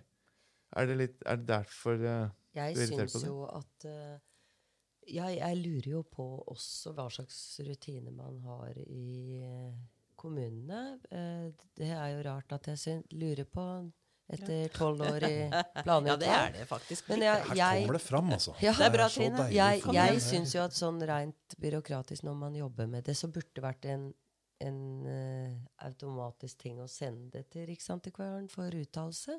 Mm. Det, det gjøres ikke. Det er jeg nesten helt sikker på. Og da, da er det ikke så lett for Riksantikvaren heller å Men det jeg vet, er at uh, Vi hadde fylkes... jo en uh, fantastisk by Hva er det for noe? Antikvar? Hun Tanja Røska. Ja. Mm. Det var veldig bra. Mm. Hun passa jo litt på. Ja. Ja, vi, jeg har argumentert for å, at vi skal ha byantikvar. Ja. Om så dele med Mm. Men Trine, eh, det henger jo litt sammen med hva som er regulert for området. Det er, B13 oppsto jo ikke i et tomrom. Nei. Og hvis du sier at du Mm. ble engasjert i forbindelse med det som skjedde i Kirkebukta, Ja. så har du jo litt lengre røtter. Og Ja. der har de, de fleste partier i Kragerø synda mm. greit. Absolutt. Og det er jo havnefronten, Mm. som jo nå er vårt uh, svorne Vår framtid, vår utvikling. Der det skal bygges Vi kan ikke hive folk av på den poden. De gidder jo ikke høre på den, alle de som ikke er enige med oss. Nei, Så vi må snakke mer om poesi. eh. Så vi må, det er grenser for hvor mye vi må snakke om det her. Nei, men det Ja, jeg, jeg faktisk- For jeg tror jeg har sagt så mye om det i avisa. Også. Jeg orker, jeg kjenner at jeg ikke orker så mye heller. Og jeg er glad jeg ikke skal være med i planutvalget. Ja, for, men det er egentlig en god bro over til neste Ja. tema, Ja. da. Men skal ikke jeg få svar på spørsmålet mitt i det kom hele igjen. tatt? Kom igjen, kom Men i igjen. Nei, men det henger jo litt det, det, bare, vi må bare, det henger jo litt sammen med det. Og det er klart at det er mye som er sagt om det. Men, eh, men om ikke annet så kan man jo la det være en oppfordring til folk å engasjere seg på tidligere stadier. Jeg kunne tenke meg å, Ja, det absolutt. Og så kunne jeg tenke meg å si en ting til slutt. Og det er at eh, jeg, jeg syns at eh, sånn som tiltakshaver Her kom vi så gærent ut, for det var kommunen sjøl som på en måte Her er det det, det står i avtale med de Kragerø Utvikling at man skulle sette i gang straks. Og det var straks var i 2007. Eh, og ingenting ble gjort. Og det varte og rakk. Det var ikke fire år, og så ble det endring på det. For det var jo en helt annen plan i For det skulle jo utvikles en hel bydel. Og så endte det opp med det ene huset i Kirkebukta. Og så på en måte lå det kjempelenge stille. Og, og det her handler ikke om Tollefsen, eller eh, For det er jo, var ikke Tollefsen som var med opprinnelig, og det var jo politisk bestemt og alt mulig sånn. Men det jeg mener, er at tida gikk fra 2007, og man, da- i løpet av den tida så har man fått den NB-statusen, f.eks. den nasjonal betydningsstatusen. Mm. Mm. Mm. Uh, og det man, hvis ikke det hadde vært for at kommunen sjøl satt bein på seg sjæl, og, og på en måte bandt seg opp i alle mulige greier, så kunne man hatt en miljørevisjon på eh, reguleringsplanene der og tenkt nytt på nytt. Jeg mener ikke at ikke man skulle få utvikle eh, fortsatt tenke utvikling, men man kunne kanskje tenkt litt mer i i, i, litt mer sånn moderne termer enn bare å. Ja, Mm. i tråd med tida. Ja. Og da tenker jeg at da kunne det vært kanskje noe morsommere å bygge unnunder der borte i Lunden fra taxien og hele veien rundt på innsida, enn å på en måte bygge en koloss foran. Det, det var bare det jeg tenkte, da. Mm. Bra. Altså, jeg tenkte at eh, For, for det, nå har jo du da, som du har fortalt masse om nå, dette enorme engasjementet for eh, Kragerø og Kragerø, Kragerøs ve og vel, og vært leder av dette rådet, som, eh, som har en enorm innflytelse på hvordan tingene utvikles eh, her. Og så har det vært valg nå. Ja. Og vi vet jo at Venstre gjorde det jo ikke så veldig godt. eh, og det, Det var litt for mye. Hvordan latter var det? Var det det?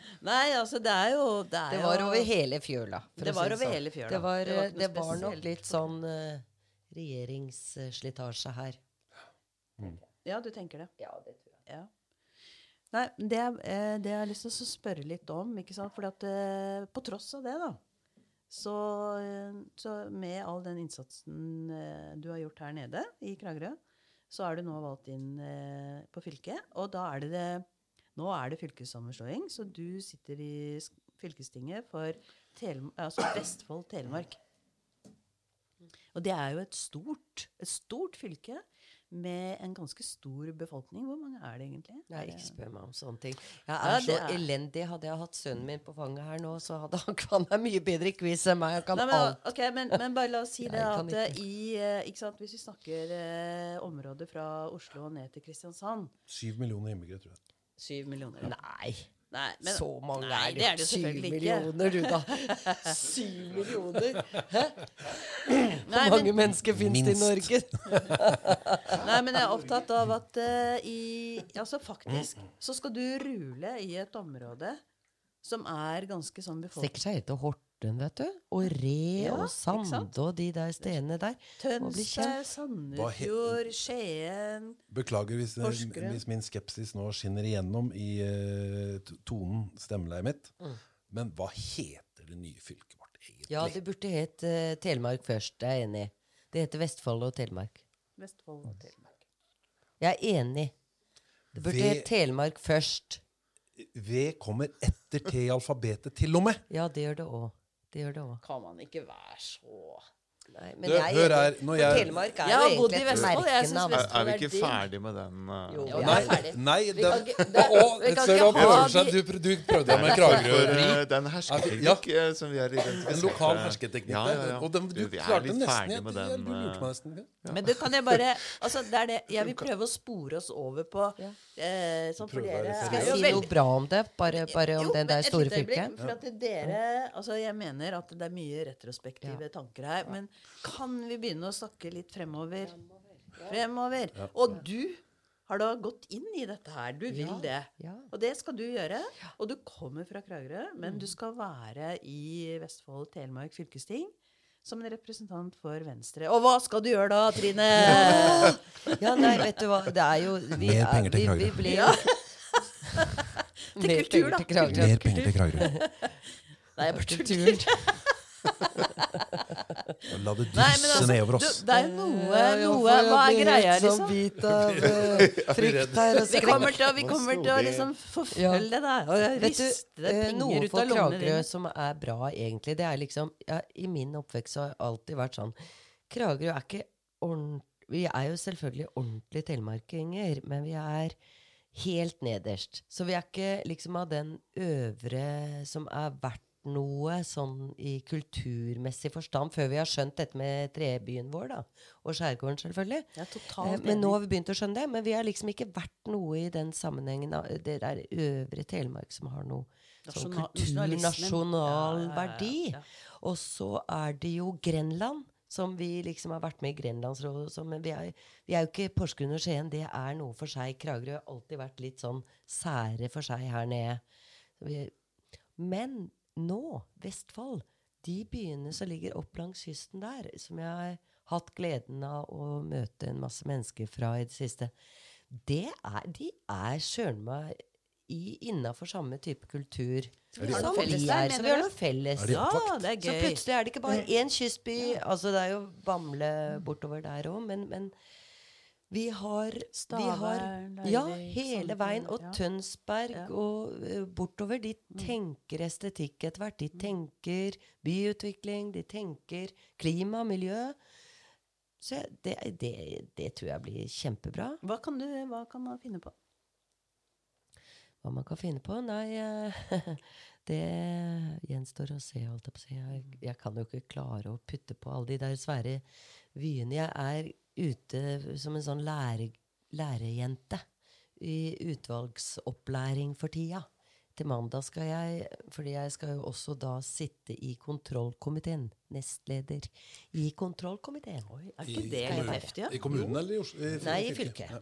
Og det jo, handler jo om forvaltningen, og, og det handler jo om egentlig eh, innspill til endringer der endringer kan gjøres. For det handler jo om forvaltningsrevisjoner, og det er jo er liksom. Innafor den gamle verden min. Ja, Pussig. Nei, jeg, jeg tror at det kan bli bra. Det er eh, kjempemasse veldig morsomt, spennende som skjer f.eks. innafor næring, industri, på Herøya, altså. Det må jeg si. Mm. Eh, grønne næringer. Green tech og all verdens eh, eh, og, og eh, noe av Dere har sikkert fulgt med litt i den deponisaken oppe i Ja, ja. Brevik? Åh, det var så bra Ja, det ble Og det, det har vært takket være bl.a. den ene bedriften oppå Herøya som faktisk klarer å rense flyveaske. Klarer å ren- rense ganske stor del av den deponimassa til, sånn at den blir til mindre bestanddeler. Og, og kan gjøre den om til bygningsmaterialer Ja, det osv. jo. Det er godt at den dritten blir kjent et annet sted i landet. Nei, de skal ikke det. De skal også utvikle sånn at det blir mindre av det. Gjør det moderne, ikke ha de der svære deponiene. Det er jo helt Må gjøre det i en eh, moderne måte. å- Men, men nå tar vi utgangspunkt i at eh, alle vet hva som skjer i Bamble med det deponiet. Men kanskje dere kan klargjøre for eh, idioten her i hjørnet. Ja, det Hva- er ja. Hvordan gikk det? Nei, fordi at som dere kanskje vet, eh, så er det kort tid, det er vel i løpet av 2020, så er Langøya, som det het. Og Langøya, det er jo et eh, sted hvor man tømmer eh, all eh, restavfall fra Det er jo først og fremst fra industrien. Eh, Som eh, havner i en svær eh, Kjenner du til Langøya? Ja, er ikke Ja. den rett utafor Langesund? Nei, Altså- Langøya er rett utafor um, uh, uh, eh, Drammen, og så har vi um, den der lange tunnelen. Holmestrand. Holmestrand. Oh, ja, Utafor okay. der. Ja. Utenfor Holmestrand er Langøya. Og jeg kjenner faktisk en dame som vokste opp der, og det var et, en øykultur og, og, som barn, og ble tvangsflytta hele øya da hun var tolv år, tror jeg det var. Og hele det øysamfunnet ble flytta, og så har det vært en laga til en svær søppelplass for deponi av avfallsmasser. Oh, ja. Og så har det vært en diskusjon hvorvidt man kan bruke gruvene i, i Brevik isteden Mm. til å deponere. Og så har det vært øh, øh, veldig mye redsel blant eh, Porsgrunnsfolk, Breviksfolk, ikke minst Store protester. på, og, på lekkasjer, og at dette kan nå ut i både sjø og i luft og alt sånt. Og vi burde være like redde i Kragerø. Vi er ganske Det er, for det er veldig farlig avfall. Det er veldig farlig avfall. Men og, det er ikke bare vårt eget avfall. Det er jo liksom Det er jo fra den betongbedriften først og fremst, er det ikke? Kronos Titan eh, er jo en bedrift som foredler dette her, eh, holdt jeg på å si. Eller de tar imot avfall også fra utlandet. Ja. Så, så det er en kompleks eh, situasjon som ikke bare handler om norsk avfall, men det handler også om businesspenger. Altså. Og da er plutselig som miljøorganisasjon i utgangspunktet, eller som NOAS Mm.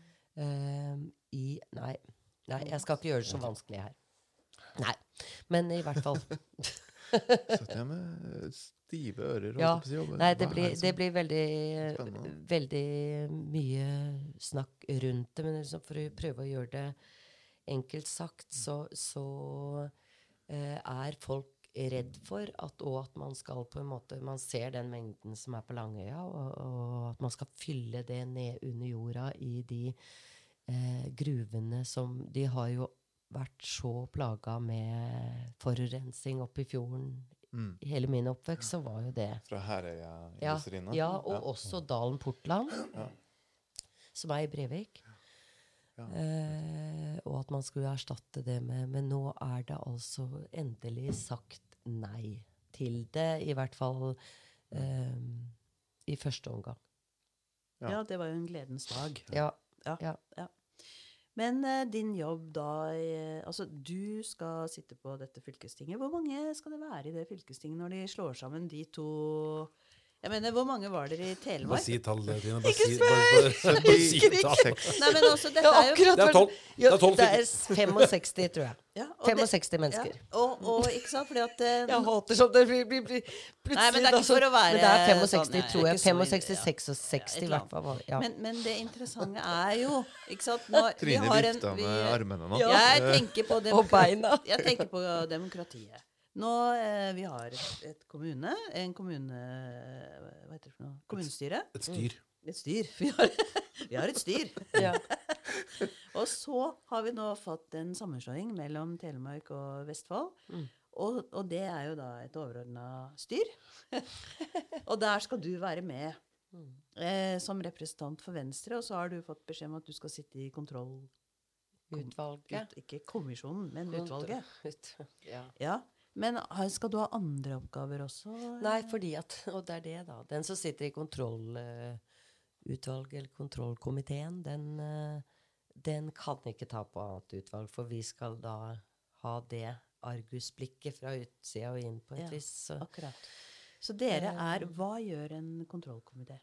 kontrollkomité jobber eh, inn mot eh, det som både på eh, I forhold til ja, f.eks. nå den Nav-saken som Nav ikke sant? Det er en veldig Både kommunen har en kontrollkomité, fylket har en kontrollkomité, og Stortinget har en kontrollkomité. Og nå har det jo i radioen i dag så har det vært mye fokus rundt at hele den Nav-skandalen, det bør løftes opp hos kontrollkomiteen.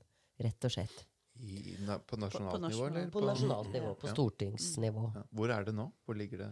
Nei, det ligger jo, det ligger jo på Stortinget, og det blir antageligvis eh, Kommer til å sortere Nei, for det motsatte blir liksom Hva heter det departementet for Altså at det ikke det skal være internt i et departement. Det skal ikke være en, en følelse av at man kan på en måte tilsløre noe. Det er riktig, det. Og, det, og kontrollkomiteen eh, har alltid leder og flertall av eh, opposisjon. Og det er en lovpålagt eh, bit at det alltid skal være. Eh, det, det er på en måte noe som Et ledd i å på en måte sikre demokratiet vårt. Eh, Så det alltid skal på en måte være en motpart i de Ja. som har posisjon. Ja. Eh, som fint, skal ja. kunne eh, Både når det gjelder saker, eh, men også peke på eh, f.eks. forvaltningsrevisjoner. Da. Og forvaltningsrevisjoner kan handle om f.eks.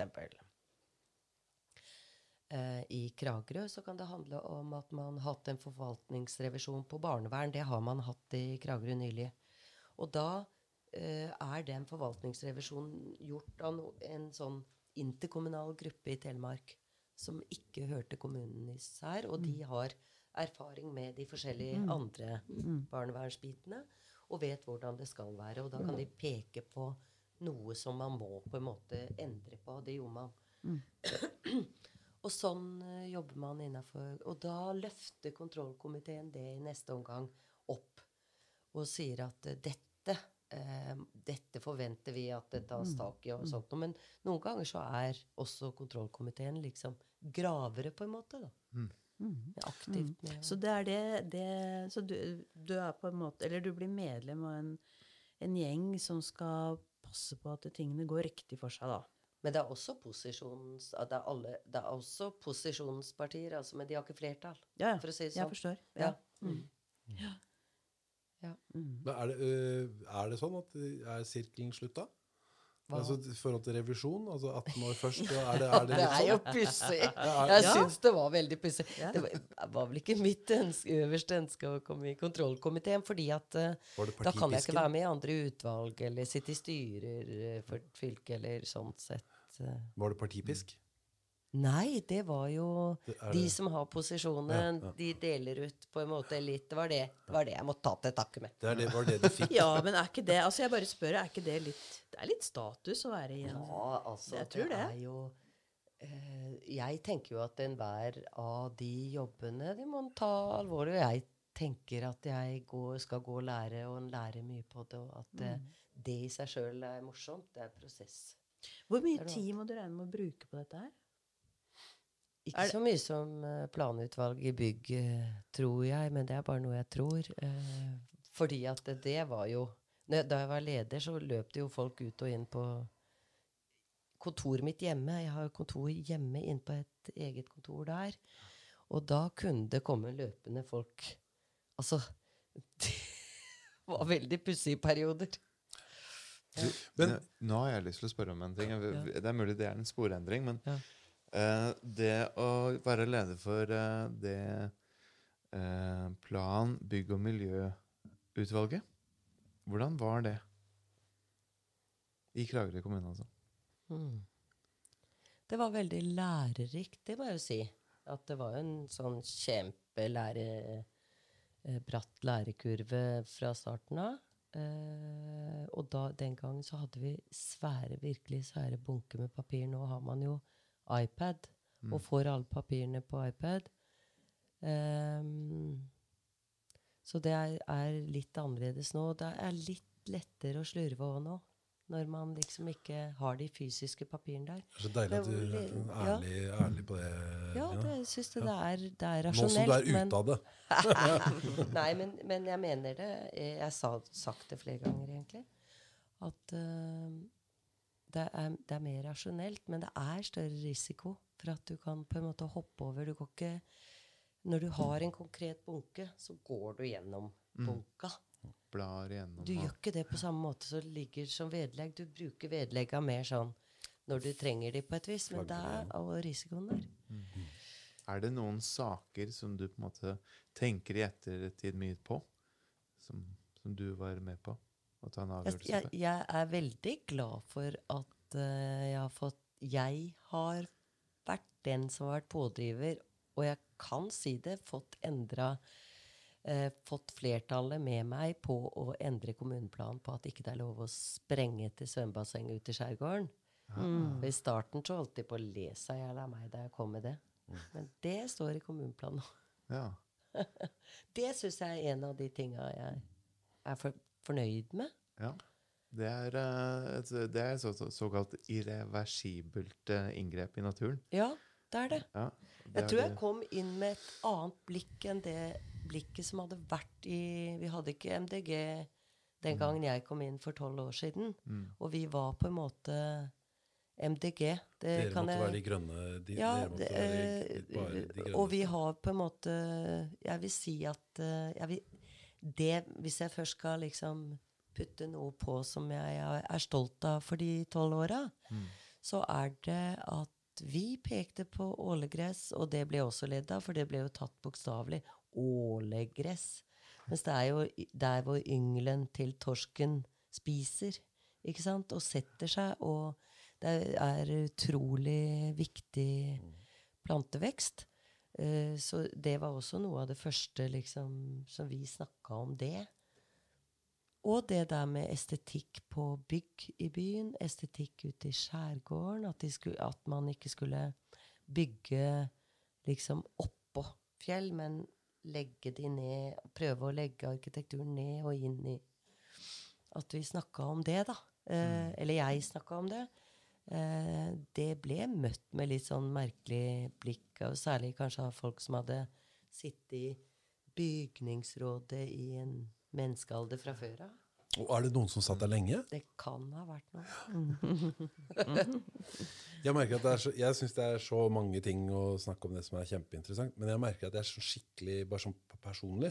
Ja, Så men det er ak bra. akkurat i dag så er jeg sånn skikkelig lei av jeg, jeg, jeg, For meg så bygger det seg opp sånne topper med Kragerø-engasjement. Oh, ja. Så jeg, jeg og det, Egentlig så burde det være midt i blinken. Kragerø, arkitektur, eh, bygningsråd, politisk eh, Ikke sant? Alle de tinga der. Får jeg lov til å snakke om det òg? Ja. Eh, som også gjelder Kragerø. Og det er noe jeg har skrevet om i det siste. Og Og det det er er, det er faktisk eh, litt sånn litt lengre tekst, men som handler litt om, om eh, 2018, som det var så varmt.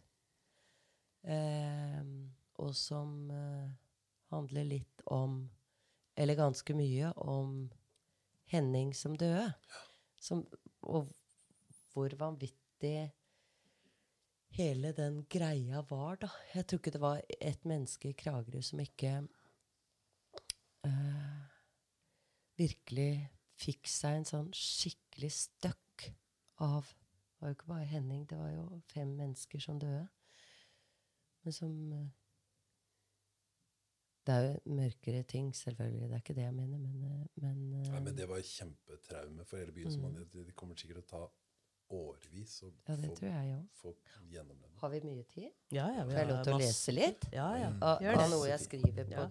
i forhold til det. Og det rare er at uh, jeg skriver på det, og så begynner det plutselig å linke inn på min egen Fordi at uh, det er noe med sånne plutselige dødsfall også som på en måte Som river veldig i oss når det skjer, da. Og det skjedde jo med faren min i 2002. Han, han var på moltetur sammen med mamma oppe i Vinje. Og så hadde de plukka molter hele dagen på lørdagen. Og så gått ut i liksom, posisjon for å gå ut igjen på søndag. Og så setter han seg på stubbe, og så tar han seg til brystet, og så bikker han over.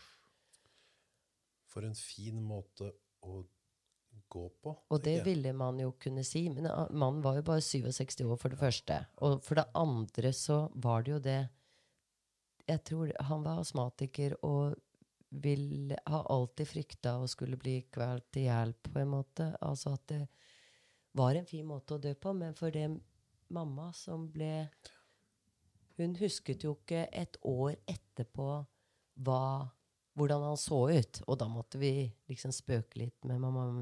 Du husker hvordan pappa så ut. Var han høy og mørk, liksom? Men det kunne ikke hun huske. For det hun måtte gjøre, da Det var alltid han som orienterte seg hvor de var hen. Så han øh, visste hvor de var, og han døde. Og hun visste ikke hvor hun var, og hun var hun bare satte i gang å løpe og begynte å liksom legge igjen klær på stien for å finne tilbake. Og fant en hytte, og de fikk hjelp. Og så, så kom det folk og så måtte de ro han over et vann. Den der mannen som lå rett ut. Og, og det var veldig traumatisk for henne. Vi kom opp der dagen etter og så han støvlene liksom på gulvet, og han lå rett ut oppå helsehuset oppe i Vinje. Det var veldig sterkt. Men i hvert fall så Det er noe som blandes inn i de tankene når jeg begynner å skrive litt om det der Jeg vet ikke om hvor mye jeg kan lese, men hvor mye, hvor mye jeg, Vi har god tid. ja. Dere sier, så kan jeg se om jeg kan hoppe litt og sånn nå, da. 2018 var et uvanlig år på alle måter over hele landet. Og på Østlandet, i vår lille by som grenser til Sørlandet, hadde det kommet mengder av snø gjennom vinteren. Snøen lå så lenge at den lignet på vintrene som de var før i tida, da vi vokste opp. Da vi endelig fikk lov til å ta på lave sko 1. mai, om bare snøen hadde smeltet. I slutten av april det året trodde vi snøen aldri kom til å forsvinne før langt ut mot sommeren.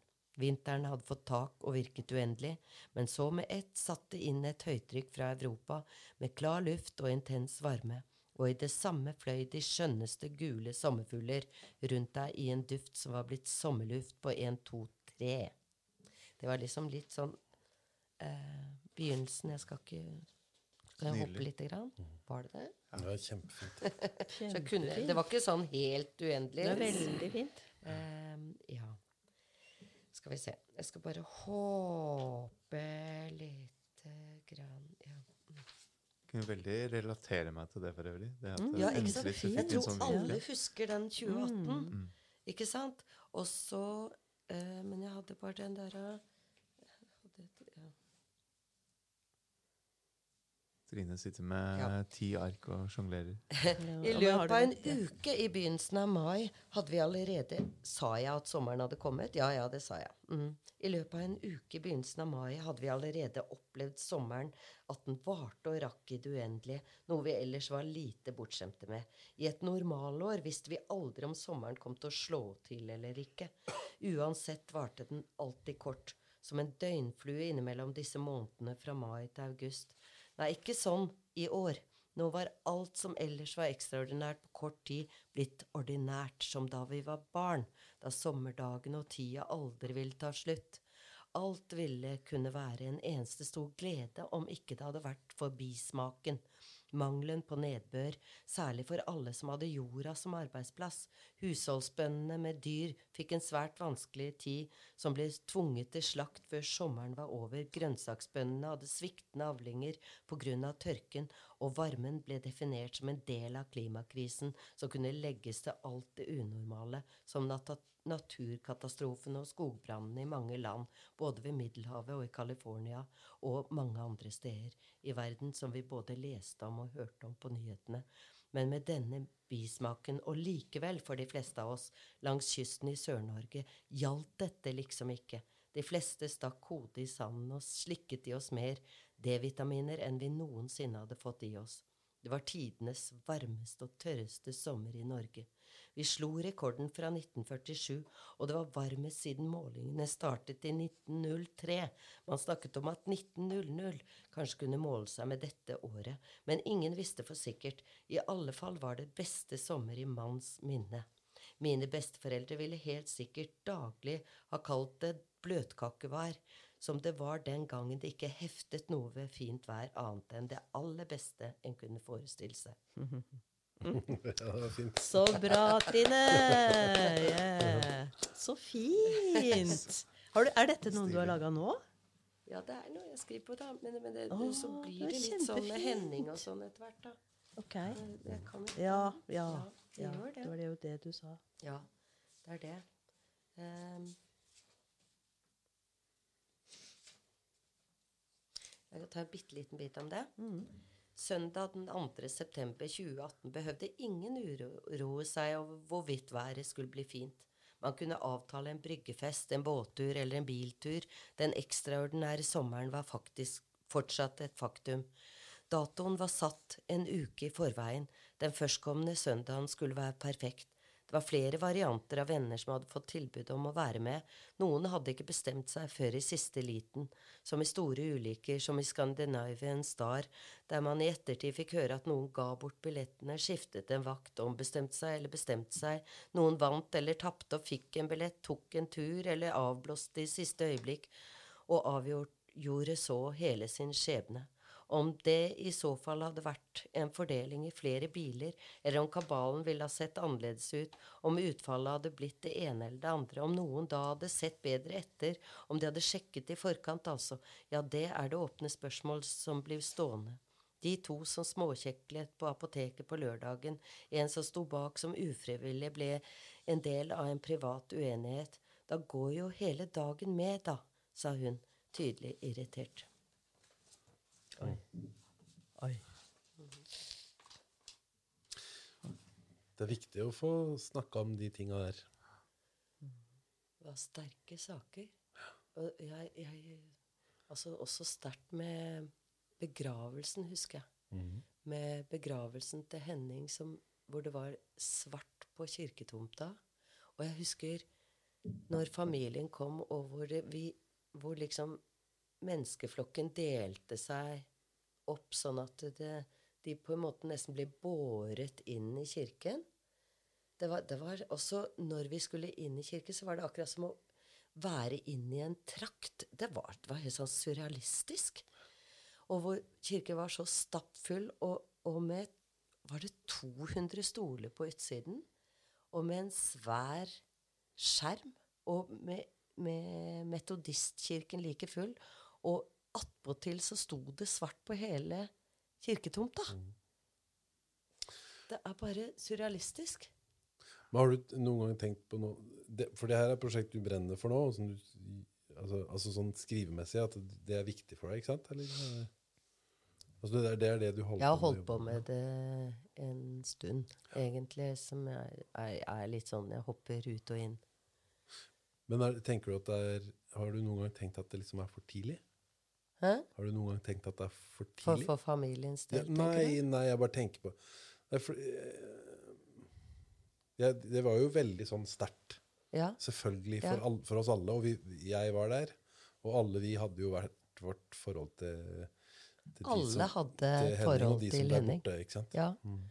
Så, jeg, men mange av de tankene som jeg gjorde meg da, denne opplevelsen, da jeg Mm. at det er Det kommer til å ta tid, da. Fordi det gikk i alle mulige retninger. Det kommer til å ta veldig lang tid før Ja, før byen og før jeg og før Jeg har snakka med forskjellige uh, etter det. Både mammaen til Henning og uh, Og det, det, den teksten jeg har skrevet nå, er på en måte prøve å ikke gjøre den privat likevel. Eh, Det er på en måte litt å løfte opp en Men jeg har jo ikke sagt det, hva jeg skal bruke den til. Nå, nå leser jeg den her, ja. ja, ja, ja, ja. Ikke sant? Men hvilket format er det? Altså, er det, er det, Nei, det er bare en, en podkast til noen jeg kjenner. Ja, det er bra. det er bra. Et sted skal båten begynne. Ja, men eh, Ja, interessant. Interessant. Jeg tenker på den stemmen, ja. Det er, det er veldig Veldig sånn flotte, litt sånn lange, gode setninger som jeg føler på en måte oh, fortsetter og fortsetter. Og jeg skulle gjerne hørt mer. Oh, Hvis du har fint. eh, mer på laget, så kjør på. Men uh, ja, dette var stilig. Ja, jeg, jeg, jeg er veldig- veldig, veldig fint. Glad for at jeg har brukt så mange hundrevis av timer på å lære meg dette her eh, opplegget, sånn at vi kan sitte her nå i dag. Fy søren, tusen takk til deg, da. Veldig bra. Herlighet. Det er helt fantastisk. Knut. Ja. Knut. Mm. Ja, fy søren, altså. Ja, Hva skal vi prate om nå? Det- Hvordan kan vi gå Ja, videre altså, fra dette? det er jo, det, alle har jo skjønt det nå, at uh, Trine er jo et unikum. Vi kunne sitte her og prate i det uendelige. Uh, men uh, nå Vi Vi kan holde på en stund til. Ok, altså Vi har allerede holdt på et par timer, Har men er dere klar for litt mer? Har vi holdt på to timer? Jeg, vet du hva jeg 1 time og 44. Ja, ja. Ja. Jeg syns det er en ting som er veldig interessant, som vi jo Mm. Ja. for så vidt snakker om hele tida. Ja. Men jeg syns det er liksom en sånn eh, Og det er mange vi, vi, vi snakker jo om det hele tida. Vi møter jo mange i Kragerø som er eh, sammensatte og komplekse personligheter. Men i ditt tilfelle, Trine, så syns jeg den kombinasjonen av noe som er så eh, ordentlig, som eh, revisjon, og så altså Nå skal du inn i kontrollutvalg, som er så eh, på en måte ja, ordentlig og rasjonelt, logisk og eh, og, Og viktig. Og vik, viktig, eh, for all del. Men, og noe som er så følelsesmessig som eh, litteratur. Mm. Og den kombinasjonen er veldig interessant, for det er, for det er jo til, i, i en viss grad liksom, eh, et motsetningsforhold. I en viss grad. Ikke sant? Og Det lurer jeg på. Hvordan ser du Nei, Hvordan ser du det- meg jo ikke at Jeg tenker meg jo ikke at litteratur er eh, følelser i den forstand. Det er veldig mye intellekt når du på en måte prøver å flytte det fra hjernen og ut. Men, men selvfølgelig så er følelser og det biten som er i følelsesspekteret, så må du jo ha med deg på et eller annet vis, da. Og så trenger man ikke bare snakke om litteratur og følelser hva gjelder Trine, Trine Jørgensen Dahl. For det alle som har debattert et eller annet med deg, Trine, vet jo at du kan fyre i bånn på et eller annet. Så følelsene er jo der, ikke sant? De er der. Og, og for ikke å snakke om det har vært i bygningsrådet, eller det har vært eh, mye temperatur eh, der, altså. Men jeg tviler ikke på at det kommer til å fortsette å være mye temperatur òg, fordi det er jo et sånn type utvalg som Nei, jeg, jeg, jeg tror ikke at det bør Men det er sånne, sånne Sånn man tenker litt sånn i firkanttanker, så tenker man liksom at uh, den som har den bakgrunnen, den men uh, jeg tror det er blitt litt mer alminnelig at man kan på en måte løsne seg fra Men det er ikke sånn at du trenger det ene. Altså det ene gjør at du på en måte har behov for å bryte ut. Altså Du trenger noe å kontrastere det med, eller? Nei, jeg, jeg tenker fra jeg slutta i revisjon, for så vidt, så syns jeg det var ålreit å ha det i sekken. Ja, det, det, det fikk vi jo ikke snakka om, for så vidt. At jeg ble hanka inn i styret i eh, Fossen-selskapene, og det skulle bare vare et kort år, var det jeg sa. Og der var jeg i syv år, dere. Så, så tida går, og og Ja.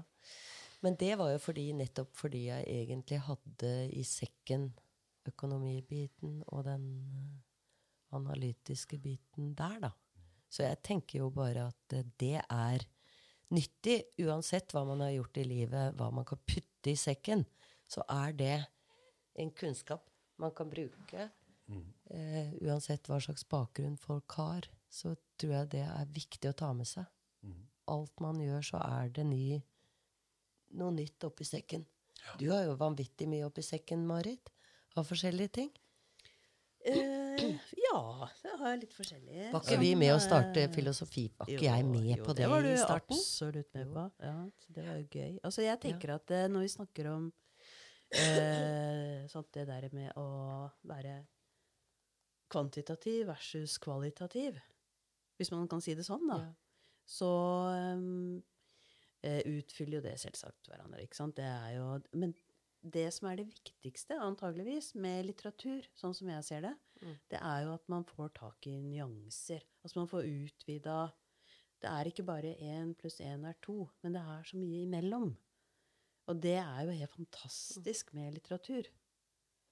Og, og spesielt kanskje med poesi, da, som du akkurat sa. ikke sant? Altså Med to-tre linjer så kan du få en hel verden. Og det er jo helt utrolig. Det kan du ikke gjøre med én pluss én er to. Og det er, det er noe med ord og litteratur og kunst og alt det mellommenneskelige. Altså alt som ikke kan telles, er etter min mening det mest interessante. Jeg mener, det er ikke, jeg mener ikke at ikke det som telles, er, vik- er mindre viktig. Eller at det ikke er viktig, for det er det. Jeg er en realist. Ja. Men det som kanskje er mest interessant, og mest vanskelig, og mest utfordrende, er det som ikke kan telles. Og det, og det er jo alt det derre som er eh, mellom oss, og følelser, og vanskelig, og nyansert, og bla, bla, bla. Det syns jeg er interessant, da. Mm, ja. Jeg har skrevet et dikt på noe sånt, husker jeg. Fordi eh, Sølvi Hurlen og jeg hadde jo en utstilling for en del år siden hvor mine tekster var inn i hennes keramikk. Ok. Eh, og da var Men jeg husker den ikke, selvfølgelig. Men det var sånn Dersom du tror at en omkrets og en lengde kan måles Ja, nei, jeg husker ikke engang. Men det var centimetermål, og det handler litt om det du sier der, da. Men jeg tenker det er noe summen av alt sammen på et eller annet vis som uh, teller. Ja, da jeg tenker kunst er bare uh, Det er en innfallsport til å bruke hodet og tankene og gå inn i andre typer Altså trene seg i å gå i andre perspektiver og andre dimensjoner enn det du beveger deg i daglig. Da. Så det er en fin måte å, å kunne ha åpninger i forhold til livet. Nå kom jeg på én ting som jeg Ja. vet om deg, som jeg vet at du setter utrolig stor pris på. Og det, det er bare noe jeg har observert sånn i ytterkantene. Men også fått lov å oppleve litt, i hvert fall når det kommer på bordet. Ja, var det mat? Ja. og, men altså at du selv er eh, Ikke sant? Du er jo en eh, Hva heter det for noe? En som Sanker. Ja, sanker, men Ja. også en som eh, får Det er til å spire og gro. Altså, Ja, du er jo en bonde. Ja, ja. som- Grønne Og hender. har, ja, grønne Ja, ja. hender. Litt Eh, og helt og fantastisk ikke sant, med å få til eh, å bruke masse tid og energi, og tydeligvis glede Ja. over Ja. det. Poteter og jordbær og bringebær og salater og bønner og også et lite drivhus og sånt. Ja, det, det, ja, det gir mye glede. Det gjør det. Er det fri? Er det sånn, for, Siden ikke du snakker om det nå i løpet Mm. av to og en halv time, er det en sånn ting som er så hellig for deg at du ikke Det er Nei. liksom helt så Overhodet ikke. Det er bare Nei. det at det, det er så spekka i topplokket her at jeg klarer ikke å ta mer enn én ting av gangen.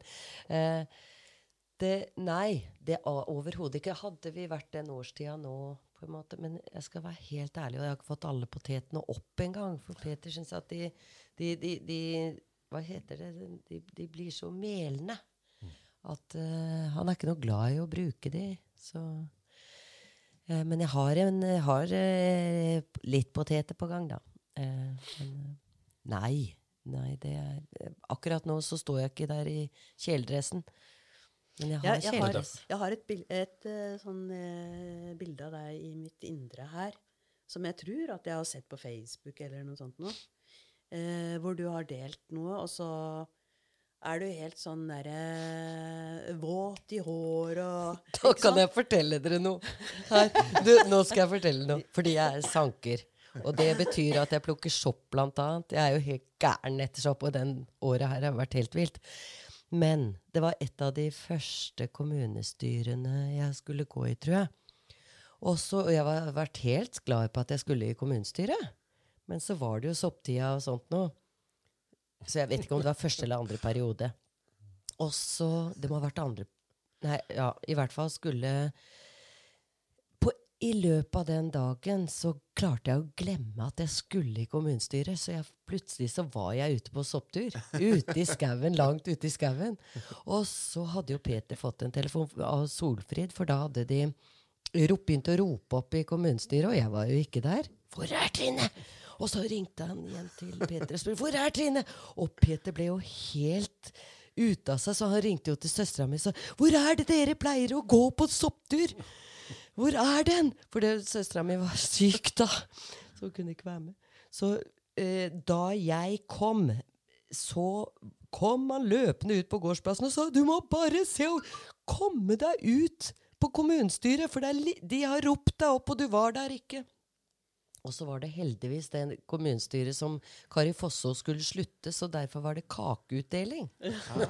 så det ble litt sånn utsettelse av det hele. Så det var så jeg, en gledens dag, ja. Det var en gledens Og jeg kom kom ut på kommunestyret med Apropos det der med barnåler. Jeg hadde hele håret mitt fullt av barnåler og rusk og rask og bare fikk tredd på meg et eller annet, en dressjakke på utsida. Jeg tror ikke jeg klarte å få vaska meg under armene engang. og stinka vel Så bra. Det er urkvinnen. Det er godt. Det var sånn Jeg rakk det! Akkurat! Ja. Men jeg tenker at det, akkurat det der, det bildet du beskriver av deg selv nå, og sånn som jeg oppfatter det, det er den derre ujålete to the bone-dama. ikke sant? ja. Det er det det er. vi har fortsatt ikke snakka om teater heller. Vi må Nei, ha det er en time igjen. Jeg er jo en elendig programleder. ja, fortell om ja. det, da. Ja, nei, det, altså, først før jeg begynte som barneteaterinstruktør, så var jeg Altså, da vi kom tilbake fra til Kragerø etter utdanning og sånn. Bodde uh, i Bø i en del år, og så i Oslo et år, og så tilbake til Kragerø. Så var det plutselig Peter, for han var egentlig et år før meg her. Med barn. Så var han plutselig med i teater, og da må jeg si Og det var jo min drøm! Du skal ikke inn i teater! Det var jo der jeg skulle være. Han, men han var jo da med i revy, men året etter så var det meg. Da var jeg Da var jeg flytta tilbake til Kragerø, for da var det teater. For egentlig så var Agnete Sandnes og jeg starta Voksenteatret i Kragerø aller først. Okay. Før det egentlig ble noe. Men da var jeg med og spilte Kaktusblomsten. Jeg hadde hovedrollen i Kaktusblomsten oh. med Torleif Kjellén som oh. instruktør. Det var fryktelig moro. Kaktusblomsten! Husker du den? Med tannlegekontoret, vet jeg du. Bodde ikke her, Wenche Foss. Ja, men det var jo en det var jo noe som Wenche Foss spilte. Mm. Vet du hva det er? Nei, jeg, jeg, jeg, jeg aner ingenting. Altså, Gandhi uh, Han var i Bø. Men, men jeg skal bare, bare, avslutte med å si at uh, Men da jeg begynte etter hvert uh, å bli instruktør for ungene mine, da, da, og alle andre unger, da var jeg egentlig ferdig med det. Da, da syns jeg det var fantastisk. Det var veldig gøy. Så det var jeg i 14 år.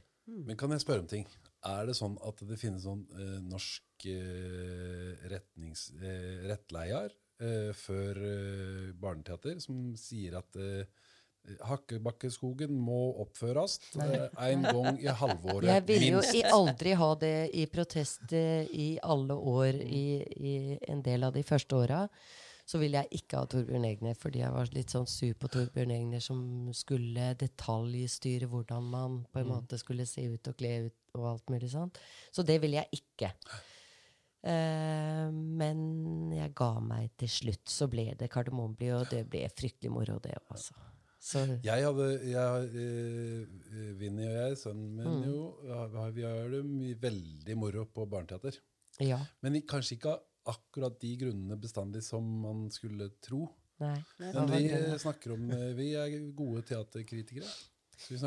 Men jeg må si at jeg hadde hatt lyst til å se uh, Kragerø Barneteater fremføre mens vi venter på Godot, f.eks. Oh, ja. ja, men du, altså, vet du hva, jeg har altså, satt opp sånn det. Helt... Jeg har satt har opp det.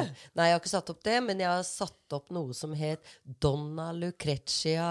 Ja. Uh, det var et Comedia del arte-stykke. Og det var altså um, bare 50 mennesker som kom på hele Ibsenhuset. Den gangen reiste vi på turneer. Og ellers så var uh, Ibsenhuset pipfullt, men den gang kom det bare 50 stykker. Og eh, oppe i Porsgrunn, på Friteatret, så har de en fantastisk fransk skuespiller ja. som kan Comedia dell'arte. Jeg vet ikke om det hun Åh, jeg husker ikke nå hva hun heter. Hun er, vi har brukt henne som instruktør, men hun har satt opp masse teaterstykker oppe på Friteatret. Og hun var der oppe med sine to unger, og hun, hun sa synd for Porsgrunn og Skien. Og det var det en annen menneske som også skrev i avisa, at ikke det kom mennesker. For det kommer ikke mennesker når det ikke er Torbjørn Egner i Mm. Ja, ja, Barneteater og den type ting. Men ting. det er det som er så genialt med barneteater. For at du kan, et Barneteatergruppa i Kragerø, for eksempel, det man kan se hver gang altså Det er en sånn gylden mulighet til å vise noe som er genuint absurd. Altså fordi at barneteater er Da må du liksom, bli instruktør. I min, jo, men det, jeg, har, jeg kunne godt tenke meg det, egentlig. Ja. Men, jeg, Vi det, sliter jo om det. Dere hvert hørte det først her Kom på. Kragerøpodden. Ikke vær så pinglete. men da, jeg, da ja, nei, Ja, nå vet vi det. Ja, nei, nå er det ute. Nå er det ute. Men nå kommer Ut av til, skapet. Nå kommer jeg til å flagge agendaen min. Men Ja.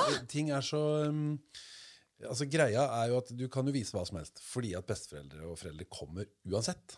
Ja. Og så er jo utgangspunktet er så deilig absurd uh, uansett. For hvor godt det er skrevet og pedagogisk og kronologisk og inn med teskje du bare vil, så er det jo med, Men, men det med respekt å Comedia melde. dell'arte, for å si det, da, da vi satte opp det, så var det til og med fordi at det hadde de der klassiske rollene. Og så hadde jeg skrevet ut Vi hadde seks sider av et menneske som hadde satt opp noe et annet sted i landet på seks Eller ni sider var det. Og så skrev jeg det til 30 sider, og så lagde jeg sanger til. Eh, og så var det noen som fikk roller og sånn, men da var det noen mammaer og pappaer som syntes at det stykket der, nei, den rolla der, den kan ikke min unge ha. Og det var ikke fordi det ikke var bra nok, men de mente den var grov. For det var jo sånne komediedeler. Det var jo litt sånn eh, flørting og litt sånn typ, De syntes det gikk over streken, rett og slett. Så det ble en som fikk en dobbeltrolle der. Det var litt synd. Kunne han ikke bare spilt klatremus, da? Jøss, nå er det Ja. noe gærent med det. Ja. Eller bamsefar. Hva er det? Nei, men det er Men er sånn, dette, det dette teaterprosjektet ditt Er det, er det, du, er du Nei, nå har er jeg du, ikke. Har du en liten skuespiller i magen fremdeles? Nei, det har jeg ikke. Har du kasta det på Jeg har ikke kasta det. Jeg har sugd det inn i litteratur isteden, eller sånn Og opp politikerrollen, da. Jeg ville jo tenkt at det bygningsrolle Nei, skuespiller. Du vet, ja. Kom igjen, da. Må liksom være litt sånn uh, retoriker og Ja, men da er man ikke skuespiller.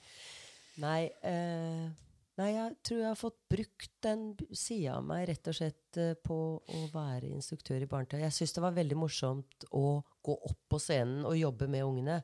Jeg syns det er tullete hvis man skal stå nede i salen og være instruktør liksom og snakke opp til ungene. Så jeg var oppe på scenen. Og, så jeg tror jeg fikk jobba det ut, jeg. Ferdig med det. Okay. Ja. Ferdig snakka. ja, ja. Det er morsomt å høre om, da.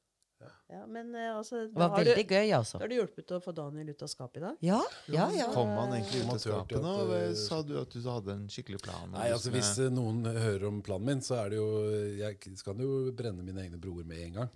Fordi at det, Min fascinasjon med barneteater er fordi at det er så utrolig mange dårlige skuespillere. Altså Det er så, det er så, det er så fascinerende deilig dårlig skuespill, og som er så godt å se. Altså, det er jo ikke det, selvfølgelig ikke det det handler om.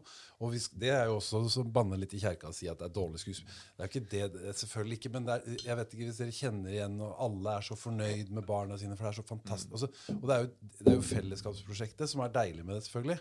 Og det er jo kjempefint, og barna er kjempesøte, og man skal ikke si noe gærent om det, men det er, det er de som Man er må sånn like alle barn like- hvis man skal være instruktør. ja, man må like sånn Altså, det er hvis det du som skal er være greia. instruktør, Jo, det- Daniel, det da må jeg være streng. Jo, jo. Nei, det nei, du må bare bestemme ja, deg ja, men det er det, jeg, ja, men det, er det som er greia, da. At jeg liker altså man, jeg, men det, Ja, det- det liker du. Absolutt. Du liker alle. Jeg liker Ja. alle barn. Absolutt. Ja. Men det er ikke noe motsetningsforhold mellom å si at man Jeg elsker alle barn. Eller jeg, det skal man ikke si. Det er for mye. Men jeg, jeg, si, jeg det. liker alle barn. Og eh, noen barn kommer ikke til å bli Al Pacino eller Robert De Niro. Nei, Det er er klart. helt riktig. Men, og det er det eh, når man skjønner Altså når Jeg tror unger har ikke de ambisjonene som mange ganger noen ganger foreldre kan ha på vegne av sine unger. Eh, for, for, for jeg husker ungene mange ganger. Det blikket fra ungene til meg fra scenen og ned på liksom Ser du hva jeg gjør i dag? Som er bevegelse et stykk bevegelse fra forrige gang jeg gjorde noe, til nå. Jeg gjør noe jeg Og det må være målet med mye av Altså man, man er forskjellige, ungene. Det må man respektere. Men, jeg må bare si én en ting, og det er at eh, jeg, Du spurte om jeg var ferdig. Nei, jeg, i grunnen så, så har Oda, datteren min og jeg og, Altså, yeah. datteren min kommer tilbake til Kragerø. Ja. Og da har vi bestemt jo, egentlig Det er jo dagens nyhet. Ja, ja, ja. ja. Yay, vi trenger Ja, men hun har sagt det. Yeah. Ja. Hun har sagt det fra første da hun møtte mannen sin. Hun, altså, nå, altså, skal du være sammen med meg, så må du komme til Kragerø. Jeg tror ikke det er noe hemmelighet. Hva er det du sier for noe? Har hun sagt det i ti år, liksom? Skal Nei, i hvert fall en del år, da. Så hun kommer tilbake med en Hun kommer tilbake, og da har hun og jeg blitt enige om at vi i grunn Enten så skulle vi spille et teater teaterstykke hvor vi hadde alle rollene. Men vi skal i hvert fall sette opp et teaterstykke. Ja. Voksenteaterstykke. Ja, altså. bra. Oh, det er deilig. Men det kan, kan være et barneteaterstykke som de voksne setter opp. Så moro. Det blir Ja, gøy. det- Det må vi Det har vi faktisk snakka om. Jeg, må, eh, jeg må bare si det at jeg eh, må eh, forklare, Jeg føler at jeg må forklare meg, for jeg har, føler jeg har fremstått som nazist her. Nei, når jeg har kom Nei. Jo, nei, men, jo, men sånn i forhold til du la deg fange av sånn politisk korrekthet og sånn. Nei, det Bare er det bli ingen, Daniel, Det er ingen, forbli det er ingen fare for. Altså, men jeg må, nei, men eh, det er viktig at uh, nyansen kommer fram her. uh, for mitt vedkommende. Og det er når jeg sier dårlig barneskuespiller, så høres det ut som at jeg Ja, det må du passe deg for. Ja, det må man passe seg for. deg for. Så Derfor er det veldig viktig at det kommer fram hva som er greia. Hvis dere nå skjønner hva jeg mener, eh, for eksempel hvis dere ser for dere en barneskuespiller som sier sånn eh, Nå må du illustrere meg med gester, eh, Knut. Eh, kom, så går vi Daniel peker. Ja, det er noe med misforholdet mellom gester og Kom, så går vi. Nå blei jeg veldig glad. Men tomt Noen blikk. ganger så er det instruktørens skyld òg. Eller musikken. Jeg ser jo noen ganger så Hvis man liksom ikke øver nok sang og musikk med ungene, de, altså før en forestilling, så bør de øve og øve hver, flere ganger i uka. Hvis ikke de gjør det, så setter den ungene i knipe til den forestillingen. Og da er det ikke ungene sine poeng, skyld. Nei, men mitt poeng er at det er en kvalitet. Ja. Det er bra. Det er veldig gøy. Ja, nå er du, nå er du litt utapå, syns jeg. Nei, nei, nei, men det er, skjønner ikke altså, Er det det, da? er just, jeg syns det, det er det. For meg, når jeg, drar, når jeg drar og ser barneteater, så er det den der helt absurde og bestemora som sitter og syns han det er helt liksom, fantastisk. Han er liksom. veldig ubehagelig der i stolen sin. Ja. Ja, akkurat som det er maur på den stolen her. Nei, men, nei, men jeg, jeg, jeg, mener, jeg mener det, altså. Det er ubehjelpelig, på en måte. Ja, men jeg syns det er hele Så jeg sitter like mye og ser på Ja, og, det er jo og, jeg, og, det, og så syns jeg det er helt fantastisk sånne replikkframførelser. da. Istedenfor den uh, vidunderbarnet som uh, spiller For det. Blir bare rart, syns jeg. Jeg syns det, jeg synes det er kjempemasse kvalitet i den mangelfulle kvaliteten. da. Og i det å glemme eh, og i, og i Jeg det hva du glemme, glemme replikkene sine, eller å si det, fremføre det dårlig. Altså Jeg syns det er en, en en utrolig flott eh, kunstform. Sær, særlig når de er barna, ikke sant. At det er De får prøve seg uansett. og Det, det er jo det. Ja, også, at det ikke er, Men- også at det kan ikke være feil. Altså Men- det, at det, det går ikke an at det er feil. Mestringen lå, ligger kanskje også i nettopp det at de som du nå beskriver, Ja. var helt eh, forferdelige Ja. før første dag. Og så nå er de bare dårlige, liksom. Ja, ja. På selve fremføringsdagen. Jeg tenker at uh, altså, Må jo huske på at eh, det er mange, som har, mange små unger som har glede av å komme i kinosalen og se ordentlig teater. De ser kostymene, og de tror på det, altså. De tror det er sant. Ja. Uh, og, og, så det er en Man går inn i en forestillingsverden der liksom seg Daniels hode eller mitt hode eller deres hode de, de, de går inn og tror på det Ja. fullt ut. Og bare sminken og alt det der, og at de sier noe. Og de blir redde. Noen griner jo så de hylskriker og blir skikkelig redde. Så, så jeg tenker, Og det løfter jo opp universet for de igjen, de som sitter og ser på. Og det kan være en eller annen som virkelig kommer til å bruke det uttrykket der en gang i framtida. Det kan være en på scenen av de der som kommer til å bruke Altså, Ja. det er eh, folk som har stått på den scenen i Barneteatret som jeg har vært instruktør for, som ikke var spesielt utagerende, eller spesielt kunne se at de var veldig sånn Som har eh, driver med musikk i dag. Kjent band, blant annet. Har dere hørt om eh, Mats eh, Wawa, eksempel? Jeg, sp- jeg spilte litt med Mats Wawa en stund. Ja, på- ja, men tenk på det, da. Altså, han har jeg hatt i Barneteatret. Han var ikke spesielt som utmerka seg. Nei vel. Han fikk trening å stå på scenen gjøre type ting. Ut og, og, og så Mm, veldig verdifullt for Og ham, når du ser på alle de her musikkonkurransene og alt det, hva er det? Det er all den øvelsen de har gjort, enten i barneteater eller på kulturskolen. De er jo, de er, jo- det er jo paradigmeskifte i forhold til hvordan det var for 30-40 år siden. Det går ikke an å kjenne Norge igjen. Nei, det er gjevt. Mm. Det er gjevt. Nei, jeg, den, de, alle de kvalitetene er jo så åpenbare. Ja. Så, men jeg mener at den, den det er min eh, verdi, det jeg setter mest pris på, er alle, alt det som ligger imellom. Ja, det er skjønt. utover. Altså utover det. Det Det er syns jeg er det gøy, veldig. Da må jeg bare få lov til å komme inn på at uh, Kragerø-instituttet Hey. Ja! Kragerø-instituttet må ha ja, sånn skal- Skal ha barneteater. Yeah! Skal ha Er kulturskole kulturskolekonsert. Ja, men det er ikke alle som er like interessante. Det er igjen sånn der, eh, jeg prøver igjen etterpå når de er ferdige. Så. Oi! Og det høres ut Det er krim. Hvem kommer til å dø nå? Hvem var det som kom Ja. ja, Hvor er det blitt av henne? Hun Men krim Hvem er det som krim, ligger begravd under. Kragerø-instituttet, Marit Arne? Nei, jeg prøvde å liksom komme frem med noe annet. Marit Det er sikkert er altså, han derre Svein? Olsen, hva han har begravd under her, det vet ikke jeg. Hvem er det sånn? Og det ble litt radioteater. ja. Det er, Ja, ja radioteater, det er neste ting. Hva er det du vil frem til? Nei, jeg bare skje? prøvde å komme inn på noe her, Ja, men det er jo ikke så lett å komme gjennom Nei, hos er- denne nei, gjengen det her. er sånn. Men Nei, nei, nei, det er helt sant. Nei, jeg bare prøvde å si at eh, på Kragerø-instituttet så skal det være kulturskolekonsert 12. desember. To stykker. 2019. Har du hanka inn, har du hanka inn det? Ja, ja hanka det inn. Det er. Ja. Det er viktig også å påpeke at det er i 2019. For det, det, det er godt mulig at noen hører dette programmet om tre år, og så bare Oi, 12. desember, så står de her. Ja. Og så er det ikke noe konsert. må lære meg det her med reklame. Når legges den her ut? Uh, så fort som mulig, egentlig. Eh, på podkast Der du finner podkaster, altså på iTunes og Spotify. Ja. Og så på en myriade andre som henter derfra. Men de som, Som hører på nå, de har er. allerede funnet det. Ja, de, det har de jo.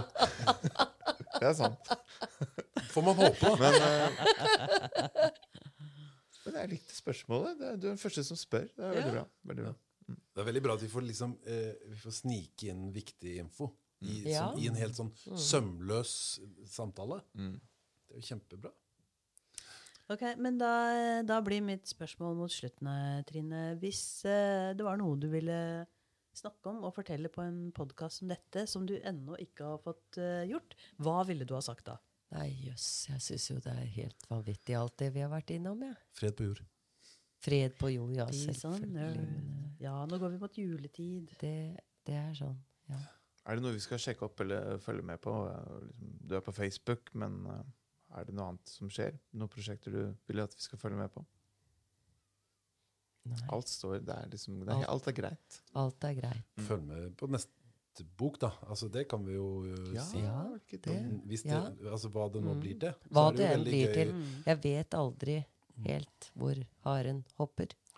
Jeg kan i hvert fall si det uh, helt sånn personlig, at jeg kommer til å følge mye, mye nøyere med på det enn på hva du gjør i kontrollutvalget i Vestfold og Telemark. Det er helt i orden. Det er greit for deg. Men du skal aldri bli, la deg forbause av at det kan komme noe ut derfra òg? Poesi i Nei, det gjør det ikke.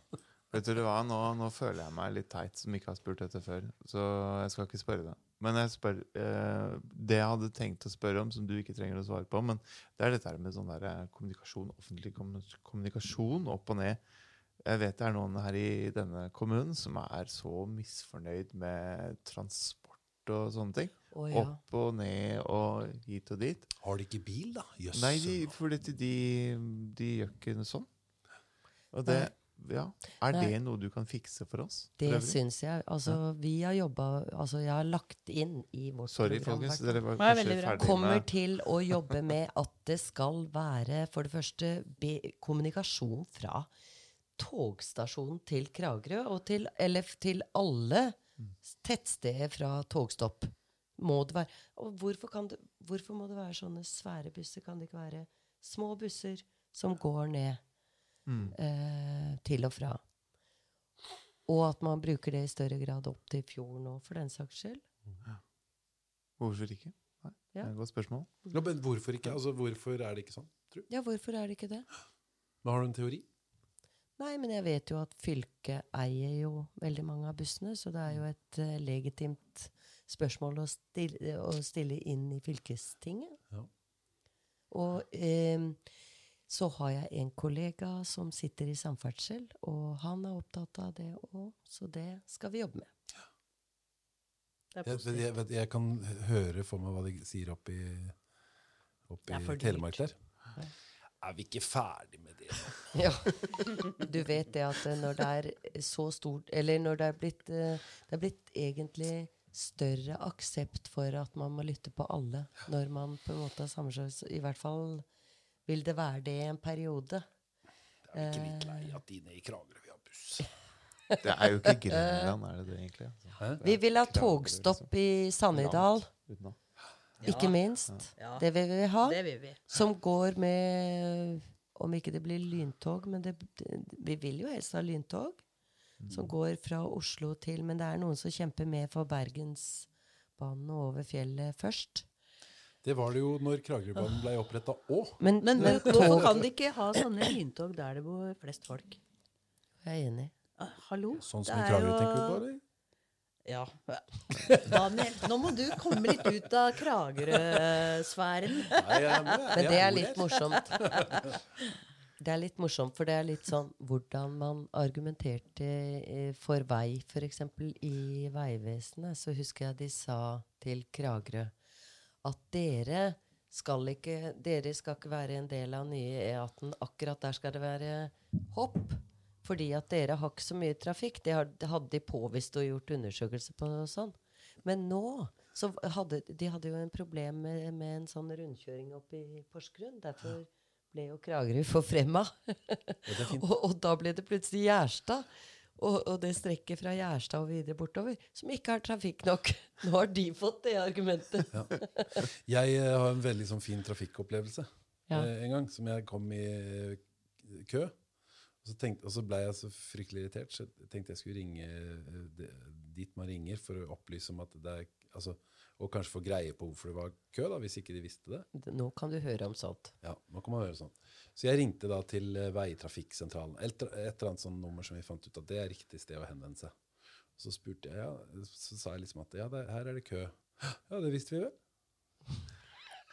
Og så, så, så sier jeg ja, ja, ok, da, ja, men da vet dere sikkert eh, hvorfor det er det òg. Du kan kanskje fortelle meg hvorfor det er det. Jeg var ikke kvalm. Eller jeg blei kvalm, da, men jeg var ikke kvalm mot han. Så, så sa han eh, da at eh, ja, Samtidigheten til trafikken. Oh my god. Og så spurte jeg og, og det er ganske deilig å si. Og jeg hadde aldri hørt om, samtid, jeg hadde hørt om samtidighet før. eh, At ting skjedde det? samtidig. Men jeg hadde aldri hørt om samtidigheten i trafikken. Og jeg hadde aldri fått et sånt offentlig svar som var så tydelig finger i trynet på meg. Som var sånn at jeg driter i deg.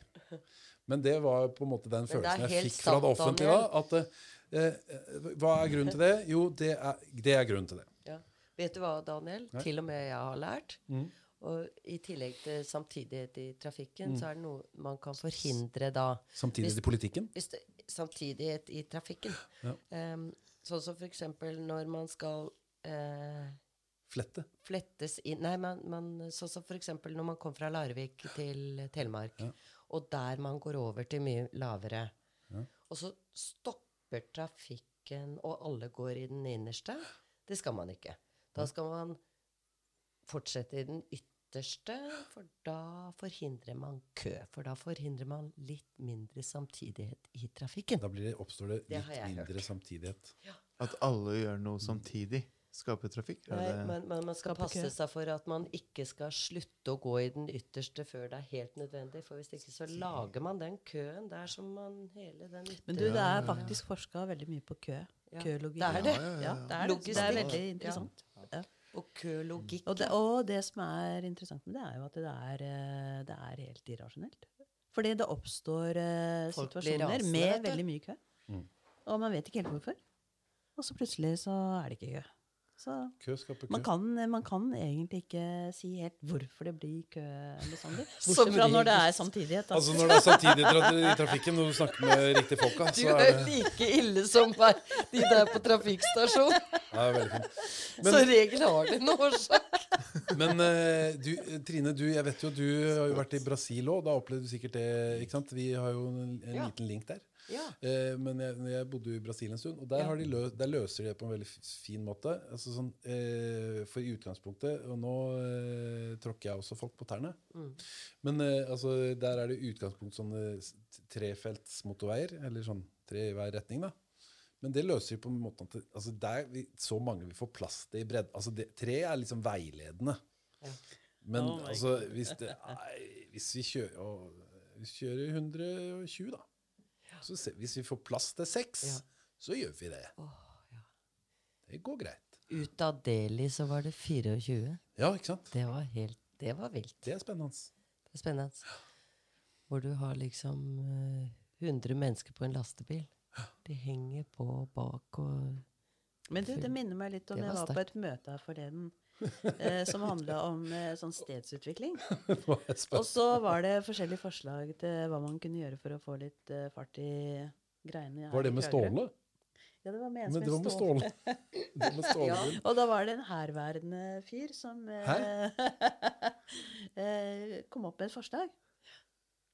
Og det var at sant, for å få skikkelig tak i utviklinga i Kragerø Hvorfor ikke altså, eh, Fortell det sjøl, Daniel, for det var jo ditt forslag. Ja, jeg kan si eh, For jeg syns jo eh, det var veldig fint å se alle politikerne eh, som ikke hadde gitt seg med valgkampen der.